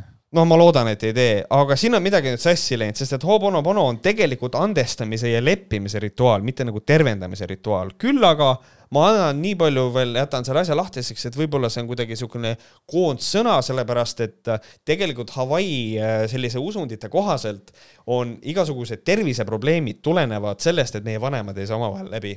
et on tülid olnud ja perekonna sees olevad probleemid. vittu, ma saan nüüd aru, mis minuga toimunud on terve elu. jah, täpselt just ja et siis miks sina nii terve oled? Vot tõesti Noh. et, et noh, et kõik need saavad alguse sealt, et kui me nimetame nüüd seda tervendamiseks, et nad ära lepivad ja siis inimesed saavad terveks, siis võib-olla selle alusel seda tervendamisrituaaliks on, et ühesõnaga ma nüüd äh, argumenteerisin siin nüüd Margiti poolt. aga kui, kui vanemad saavad hästi läbi, ei tülitse ja, ja ikkagi on järglane halva tervisega. Siis järelikult on varem suguvõsas mingi jama olnud või on mingi türa, me jõuame ikkagi seitsme Ikka seitsme- Ants Rooslane, ikka sada Ants Rooslane, minge ostke raamatut, kui teil on vaja vetsupaberit. ei, nii, ühesõnaga siis tegelikult on niimoodi, et seda viivad läbi reeglina Hawaii põlisrahva tervendajad ja see on kollektiivne asi, mida tehakse siis äh, mitmed inimesed koos. seega tekib küsimus, kuidas saab Margit Korbe öelda seda, et Ho'oponopono tervendusrituaal on asi, mida võib praktiseerida eraldiseisvalt. see ei vasta tõele, see on vale. Seda tehakse koos. Pressinõukogu. kus see on? siis ähm, pressinõukogu, pressinõukogu, tere küll. sa oled nii hoos praegu lihtsalt. et, et tegelikult on niimoodi, et kuidas see Ho'oponopono käib, on see, et tullakse kokku, kõigepealt palvetatakse mm, -hmm. siis äh, arutatakse probleemi üle, mida keegi on valesti teinud. True. siis on vaikuse osa, reflekteeritakse, kuidas keegi ennast tunneb Aus. ja siis on avamise osa mis on avame südame kus kõik räägivad seda, kuidas nad ennast tunnevad mm. -hmm. ja siis tuleb andestamise osa ja kõige viimane asi, mida tehakse, on see, et tuleb selline suurem sööming ehk siis sihuke feast mm. -hmm. ja siis sinna on aeg-ajalt, see, see võib seal olla, aga ei pea olema. Aga aeg-ajalt süüakse siis seal sellist äh, vetikat ka, mille nimi on sargassum Mm. ja see sargassum sümboliseerib just nimelt lahtilaskmist. mingit kuradi sinist vett ei ole seal. Ma ei tea, kustkohast see pärit on, milline kuradi soolapuhuja selle välja mõtles, aga mingisuguse sinise vee joomist ei ole olemas mitte üheski kirjelduses, välja arvatud nendes, kus kohas õpetatakse seda vett tegema, mingisugune, kus ongi hoponoponomagic.net, mingid siuksed kohad, ainult Aus. seal et tegelikult, aga kui lugeda selle rituaali kohta, siis äh, ei räägita sellest, et seal peaks mingit kuradi päikese käes mingit vett laadima kuskil pudelis okei, aga kui, kui nagu see kõik asjad on tehtud, onju, aga seda andestust ei suuda leida hingest, kas siis ma ka ikkagi fistile saan või? kas sa nii kaugele jõudsid selle nii kaugele või? nii kaugele see jõudnud. on ainus küsimus, mis mind nagu huvitab, et ma ei suuda andestada, ma lihtsalt ma ei arvan suuda,. aga ma suudan oletada, et, et ei saa, sellepärast et see jääb, sellisel juhul jääb rituaal pooleli, kui rituaal jääb pooleli, siis ei saa rituaali valetada. võin, et ma andestan või? vaata, aga see jääb hingele siis. ma ei tea. okei Jumal. et siis tuleb söök teistpidi välja. sa valetasid, kõik on ümberringi. nii palju siis Hobonobonost, et ühesõnaga juba on mingisugused ebakõlad siin, mida kirjutab Margit ja kuidas on, kuidas kirjeldatakse rituaali, kui selle kohta lugeda. tegelikult. Margit ei ole alt vedanud mind siiamaani. jah, siiamaani ei ole alt vedanud, aga nüüd on suur black. kuid, reisist. kuid kuidas seda vett teha? Mhm. selleks on vaja üht koobaltsinist klaaspudelit, Mhm. mis tuleb täita puhta filtreeritud veega, võimalusel allikaveega ning see tuleb jätta päikese kätte laadima vähemalt üheks tunniks, aga võib ka pikemalt, maksimaalselt kaksteist tundi. viiskümmend, üheksa minutit on putsis juba või? minul tekib see küsimus, kus kuradi kohas Eestis, nagu Eesti Vabariigis, ma laen kaksteist tundi midagi päikese käes, kuidas see võimalik on no.? Kas meil on, mitu päikest meil on, kuu on päike, ma tean, aga päikeseid, sa tead, kui palju Margitil päikesi on? igalühel on oma jaa, fucking õige, igal päike, sa räägid vale päike. inimese nagu mingi sellest retrokraadis. ja, ja, ja, ja see, ja see ongi niimoodi, et ja, ja. aga, aga siin on maksimaalselt kaheteistkümnest tunniks, ta ikkagi ütleb, et tund kuni kaksteist, et tegelikult sa ei saa Ja, selle, sellega võtta, ta lihtsalt ütleb, et ärge üle laadige. Jah. kui neil on liiga palju päikeseid muidu on, muidu on liiga laetud vesi. jah, ja see on putsis, see on nagu äh, kuidas, kes see Kersti Kaljulaid üles köetud, see on nagu üles see köetud on äh, naisterahvas. koobaltsinine veepudel. aga, aga, üle laetud. aga võib-olla see on ka variant, et ma võin Nii panna armas. need koobaltsinised pudelid endale niimoodi äh, laadima. äkki ma saan äh, üle, kui mul lähevad üle kaheteist tunni, äkki ma saan selle maha müüa elektrivõrku. selle üle, selle ülelaadimise, nagu Või- päiksepaneeliga. jah, see oleks see kõva on,. see on kõva, see on. See on meil, meil kõige odav variant seda teha. sitaks, ainult Ja- koobalti pudelid maksavad kindlasti kallid ja neid saab tellida margitkorbe.com.net. saab või? ma ei tea. just jah. oluline on, et pudel oleks otsese päikesevalguse käes, mitte aknaklaasi mis, taga. mis on nagu, miks? minul tekib küsimus, sest et koobaltsinine klaas ise on klaas. ei, aga, aga üldse, miks? jah, et nagu kas, mis, mil, mis, mis asi on see, mind huvitab see nagu see mehaanika, see füüsiline, see füüsika pool seal. mis siis selle aknaklaasi, mida see välja filtreerib? mis siis on? mis sealt siis läbi ei pääse? ja Margit kirjutab, et minule tundus see vesi juues justkui pehmem ja maitsvam ning kokkuvõttes võid otsustada ise, kas see sulle mõjub või mitte. eks see kõik on tunnete peale. aga anna endale aega. lõppkokkuvõttes ma laen endale kuradi sinist vett ja lõppkokkuvõttes see, kas see töötab, seda ma otsustan endale ise. jah, aga, aga, aga Margitile tundus, ta, tule ta oleks võinud kirjutada, et, et äh, see vesi on juues pehmem ja maitsvam. tule lõpetage see tundub. jah, ütle, on siis, on või ei ole, kurat. ja see võib olla suurepärane toetus su igapäevastes rituaalides, kui teed seda taotlusega ja oled hingega selle juures, saad laadida endasse korraga puhtaid päikese ja vee kvaliteete. Davai, see kõlab väga põnevalt. tuletan meelde, et Hobonobono ei, on asi, mida tehakse mitmekesti, et kui sa sinna üksinda taot-, taotled ja kaanid vett sisse, siis ainus asi, mida sa pärast endast lahti saad lasta, on kusi. aga taotlus äh, võiks olla ka kirjas nagu avaldus või mingid asjad, et see õpetus, kuidas see taotlus aga huvitav, kas see võiks olla niimoodi, et on mingisugune selline uhuundus ava-, ühel hetkel alustab, kus on see, et ongi, sa esitad taotluse, aga need peavad olema juriidiliselt nagu, nagu vormistatud.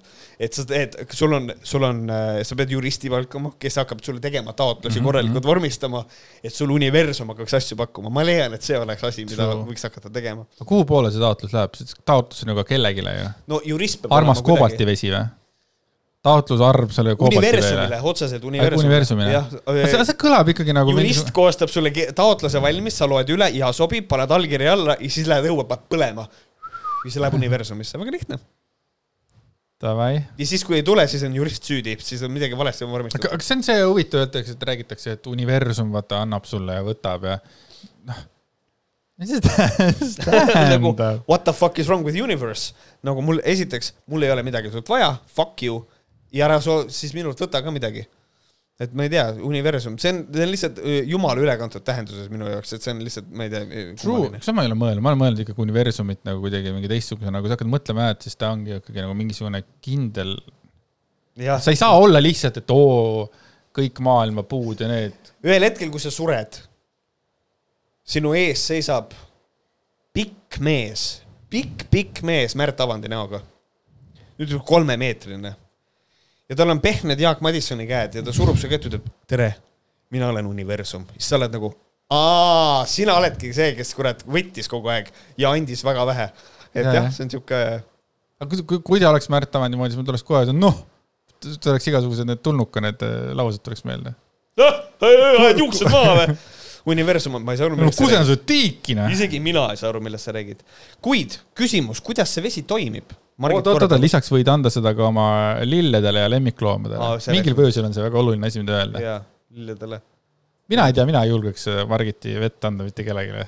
ise ka mitte juua muidugi. mina vastupidi, mida mina teeks, oleks just nimelt see. mina äh, teeks selle vee valmis, laseks selle seista üksteist tundi viiskümmend minutit ja siis hakkaks seda mööda küla laiali jagama. palun joo seda vett. ma ei tea.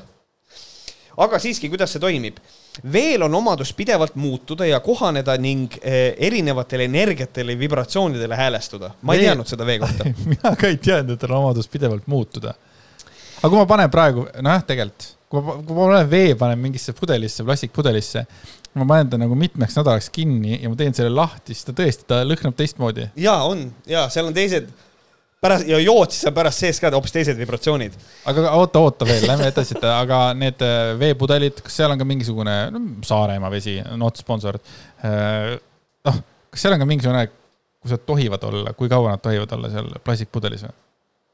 jah, ja kas ma tohin maitseks panna sisse vastelpaju või midagi või see peab olema täiesti puhas vesi. ja kui seal võib midagi sees olla, siis kas ma saan teoreetiliselt doktor Pepperit või Coca-Colat ka laadida päikse käes? aga kui ta kaksteist tundi on ära laadinud ennast, kas ma siis võin jätta ka selle kuhugile külmkappi? sest ta on tegelikult ära laadunud, aga ma külmutan ta. jääkoobikut ja ma panen seda kuskile joogi sisse, teen endale jääkohvi Solar Ice'iga. või ma teen endale viskit ja panen sinna selle jää, kas Jaa. siis ka südameavatus tuleb? Margit, väga palju küsimusi, millele ei ole vastuseid, palun hakata tööle, eks ole, sa saad, sa saad kõva palka selle kuradi joorupis, mida sa kirjutad. võib-olla nagu äh,, aga kas see on kadedus, kas sa tahaks ise kirjutada suvalist Europit Postimehesse? kui ma saaks palka sellise asja kirjutamise eest, ma ütlen ausalt, ma olen kade. teate, Märt on väga hea kirjutaja. ja mis me paneme sulle ma olen kirjutanud artikli seitse levinumat viga äh, tee valmistamisel. et come on aga. mis su palgasoov oleks?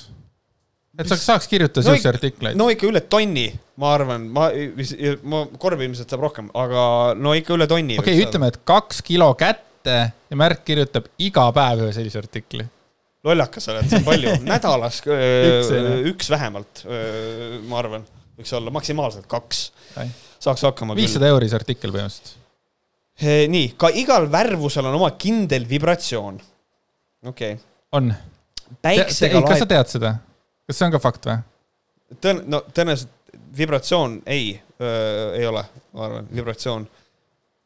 ma arvan, et ei ole. aga vaata, kui nad on seal nõiasaates, vaata, siis nad autost otsivad neid laipasid alati, siis nad käivad, tunnetavad mingit energiat. mis kuradi energiat nad tunnetavad? äkki kas see soojusenergia tuleb sealt nagu läbi inimese soojusenergia või? ei tule. Ma ei, ei, ei tule. aga nad teevad kõik seda, vaata. Jaa, siin ma tunnetan mingisugust kätega küll, võib, tähendab, ilmselt tuleb, aga kätega ei tunneta seda kohe äkki see kindlasti. mingisugune, jaa, vaata taga, mootor on mõnel on tagapool ja siis mootorist tuleb veel seda sooja. ja just nimelt, et vanasti oli. millise autoga just sõideti, siis võib-olla saad aru just. mm,. päiksega laetud vesi on iseenesest üks iidseid tervenduspraktikaid, mida saab kombineerida ka värviteraapiaga, näiteks Vana-Egiptuses säilitati väärtuslikke õlisid ja vedelikke vaid lillas klaasis. Ja mina mõtlen seda, et need pandi kõik lilla, lillasse klaaspudelisse sellepärast, et inimesed saaks peale vaadates aru, seal on see väärtuslik õli sees. et see oli lihtsalt viis, kuidas teha nagu color coding, et nagu kõik see odav paskvesi, mis meil on, see on vaata seal kuradi tünnis ja seal ja, ja, ja seal on nagu see noh, muu sitt, aga lilla, lillas klaasis, seal on see hea kraam mm.. Vana-Egiptuses säilitati väärtuslikke õlisid ja vedelikke vaid lillas klaasis. Wow, wow, oota, wait a minute, ma ei saa seda praegu fact check ida, kas, kui levinud oli klaas ja klaaspudelite tegemine Vana-Egiptuses? mina mõtlesin, mis see väärtuslik vedelik on. no ei, sa No, mõtled kohe, et pauk. ja ei, aga ma kirjutan äh, Google'isse, kui vana on klaaspudel. ei, aga ma mõtlen nagu glassware, nagu kas E- Egipt, vanas Egiptuses värvitud klaas oli thing või? väide iseenesest nagu see, see, kui, kui sa ikkagi väga nagu vängelt nagu niimoodi ütled, et nii oli, siis mul ei teki nagu küsimust esialgu, aga kui ma mõtlema hakkan, siis kas tõepoolest värvitud klaas võis olla Vana-Egiptuses? no igatahes minu küsimuse peale, kui vana klaaspudel eesti keeles, on esimene pakkumine, taara kogumine võib ära tasuda. Kusjuures Korbe artikli kontekstis võib öelda, et esimene hea uudis. Tegelikult. ja erinevad värvid toimivad läbi erinevate sageduste eh, ja meie eeterkeha erinevate tasandite. True. meie eeterkeha. kas sinu keha, kas sinu oota, kas- keha on eeter? äkki on erinevad kehad on meil? astraalkeha, eeterkeha see on. see ethereal mingisugune asi. nii, ja nüüd meile, ma, ma, ma ärritusin, kui ma lugesin. sinisel värvivibratsioonil on väga spirituaalne ja emotsionaalne olemus. sinine rahustab ja leevendab, vabastades stressi, pinget ja ärevust. see on, see on jutt, mida saab kirjutada inimene, kes ei tea sinisest värvist mitte midagi. sinine värv on looduses üks kõige harva esinevamaid värve ja nüüd on see koht, aga, aga taevas on sinine ja ma räägin, planeedil Maa leida sinist värvi asju on, see on, see on väga vähe levinud. põhimõte on selles, näiteks roomlased pidasid sinist värvi leina ja barbarite värviks. barbarite näol siis ilmselt peeti silmas kelte, sest keldid, Conanit. just Conanit Conan the Barbarian. ei, ei olnud päris inimene, aga, aga, aga okei okay. sa mõtlesid Bravehearti või? ei, Conan aga ei, keldid pidasid äh, sinist värvi, nad tegid niimoodi, et nad värvisid näod siniseks selle jaoks, et hirmutada teisi. ja, ja minul tekib küsimus, kuidas saab olla niimoodi, et külm toon saab olla rahustav, mina seda ei tea. Ja rääkides sellest, et see on jube tore värv, see sinine, et ta rahustab, kuskohast on saanud selline muusikažanr oma nime nagu bluus? et see sinise värvi käsitlus on küll ikka siin eriti ebaõnnestunud. tähendab kurb, kurvad. no absoluutselt, kui lõõgastav on olla kurb. aga, aga blues ise on äh, rahu, rahustav. kelle jaoks? Sure. See on ideaalne värv, mille energias mediteerida, lõõgastuda, mulle meeldib see, et mida rohkem me korbest räägime, seda hullemaks läheb väljas vihmasadu, ma kujutan ette, kui me oleme lõpetanud, siis me oleme ära uppunud. minu auto on ära uppunud. minu auto on kindlasti ära uppunud. see tervendab inimest sügaval emotsionaalsel tasandil ning aitab lasta lahti vanadest emotsionaalsetest mälestustest ja sügavatest asetsevatest hirmudest. sinine või? sinine aitab äh, lahti lasta vanadest emotsionaalsetest mälestustest sügaval asetavatest hirmudest. Ma ei usu, mul on su silma siniseks, vaata, kas aitab? ma ei usu seda, ma kogu aeg teen seda saadet äh, siniste toolide peal, ma jumala närvis olen kogu aeg. jah, just. ja nüüd tegelikult veel järgmine asi ka. lisaks meeldib veele olla seda värvi pudelis ehk siis sinises, kuna sinine on värv, millega me algupäraselt vett seostame. see on faktiliselt vale. inimesed ei ole seostanud vett kogu aeg sinise värviga, seda sellepärast, et sinine värv on olnud nii-öelda asi, mida nähakse taevas ja sinine on väga haruldane värv. ma toon näite, näiteks Antiik-Kreekas on kirjeldatud merd peaasjalikult kas rohelise, pruunina või siis veinikarva, aga mitte kindlasti sinisena. sellest rääkides, Margit, võta Vana Testament ette ja sa näed Vanas Testamendis ei mainita mitte kordagi eh, sinist värvi et see idee sellest, et veele meeldib olla seotud värviga, mida inimene sellega arbitraarselt kuidagi seostab, on täiesti äh, minu arust nagu, nagu, nagu crazy. ja vesi armastab olla sinine, sügavaim ookean on sügav sinine, sügavaim ookean on sügav sinine, öeldakse siin. mine tegelikult nagu sõida ookeani peal, ta ei ole sinine tegelikult nii väga sinine värvus viib vee tema nii-öelda nulltasandile, kust vesi vabaneb häirivatest mõjutustest. loodusteadlane Viktor Schauberger, kes kirjutas vee saladustest, kirjeldas, et optimaalselt puhta ja vitaalse vee värvus on kristalselt sinine. optimaalselt puhas vitaalne vesi, ma ei tea, mida see tähendab, täiesti puhas vesi on läbipaistev aga loodusteadlane Viktor Schauberger on ka vale fakt, sellepärast et tegu ei ole loodusteadlasega, vaid tegu oli leiutaja ja pigem filosoofiga kui, kui loodusteadlasega. siin jälle väikene faktiviga. ja nüüd lõpetuseks ütleb Margit Korve seda, et Hobonobono õpetaja doktor Ihale Kala Hiulen on öelnud, nüüd pea meeles, jõuab see vesi enne sinu alateadvusesse ja alles siis sinu rakkudesse. see muudab sinu, sind alateadvuse tasandil lihtsalt, et oleks mainitud, siis see õpetaja, doktor eh, Ihale Akala Hiulen on tegelikult inimene, kes on väitnud, et ta on ravinud vaimselt haiged kriminaalid terveks ilma neid kordagi külastamata. Eh, mina ei tsiteeriks selliseid inimesi, kes Tean, on ilmselgelt soolapuhujad. aga Shakti tegi reikit, kui inimesed magavad.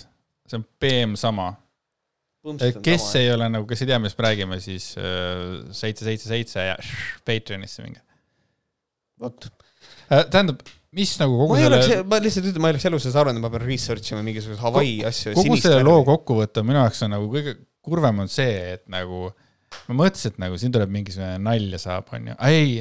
Märt lihtsalt läks ja tungis Vana-Egiptuse äh, äh, antiikajaloo piibli soolapuhujate kuradi ja, ja siis ongi niimoodi, et aa, cool. kui nagu... ma panen veel sellist artiklit sisse, noh mind nagu kõige rohkem nagu hämmastaski nagu see, et kuna me oleme nii palju kilkunud selle asja kallal, siis ma nagu otsustasin ikkagi täna, et davai, ma võtan tõsiselt ette mingid väited ja siis ma nagu sain aru, et noh, jube palju on tegelikult mingit täielikku jama selles jutus, et mm, -hmm. et noh, kes on loodusteadlane, tegelikult ei olnud. see on mingi õpetaja, jah, kes on tegelikult ka nagu soolapuhuja, kes väidab, et ta on mingeid imetegusid teinud. ja siis, mis meid tegelikult käivitas, oligi see väide, et, äh, et noh, vesi on algupäraselt ikkagi sinine värv olnud, et see ei vasta tõele, see konkreetselt on vale et seda ma mäletan juba vist kas, kas kunstiajaloost või kuskohast, et antiikmütoloogia tõepoolest vesi või nagu meri ei ole sinine, vaid on roheline, seda ma mäletan. kardangi, et selle, kui me läheme korbega edasi, siis me jõuame sellisesse sügavustesse, kus me ei tahaks tegelikult olla. sest et juba nagu Patreonis me saime aru, mis meelne on Margit Korbe mm. -hmm. väga sügavalt, on ju. see oli naljakas, jah ja nüüd, nüüd nagu kõik need tugevad vale, vale, valeväited ja et äh, ohtlik on see Margit Korbe. jah, aga ma loodan, et Margit Korbe saab aru, et on mõned vead tehtud ja kirjutab järgmise artikli juba palju parema äh,. palk ju jookseb ja miks mitte, et äh, who knows aga kallid kuulajad, aitäh, et olite meiega lõpuni välja, ka vihm on põhimõtteliselt jäänud järgi. ja siis me lõpetasime korbest rääkimise. just, et korbe, no ilmselt see vibratsioon ikkagi peksis nii räigelt, et et läks nii, aga ja kusjuures roheline oli väljas, mitte sinine, vihma sadas. aga suur tänu kõikidele kuulajatele, aitäh, et olete meiega. Chillime Patreoni ka, oleme Patreonis, patreon.com kaldkriips Vohkarid. kui tunnete, et soovite meid toetada, oleme olemas, laske käia. Võhkarid at gmail.com, õ on number kuus. kirjutage meile, esitage küsimusi, kriitikat Äh, kiitused võib täpselt samamoodi saata. Äh, kui tahate, et ette loeme, võime lugeda. ühesõnaga, need on meie kanalid. Äh, Andres on Twitteris ilusasti olemas, Andres Jääger, kui otsite, leiate ülesse. mina täpselt samamoodi Andres Jääger otsite ülesse. kirjutage Andres Jääger, leiate minu ka ülesse ja, ja ega minu poolt, minu poolt tänaseks kõik. Andres, on sul lisada midagi? ma olen üldse vaikseks jäänud peale seda nii vaikseks kõik on jäänud? ma jäin vaikseks jah, peale oma cancel damise hetke Don't worry äh,. aga kohtume teiega siis järgmine kord äh, Patreonidega juba, kui ma ei eksi, siis järgmisel nädalal. ja teiega, kes te ei ole Patreonid äh,, ülejärgmisel nädalal ilmselt, ma eeldan äh,, kui nüüd kõik klapib äh,. me, me peame Andresega sellel teemal nõu, aga järgmise korrani, aitäh. aitäh teile. tšau.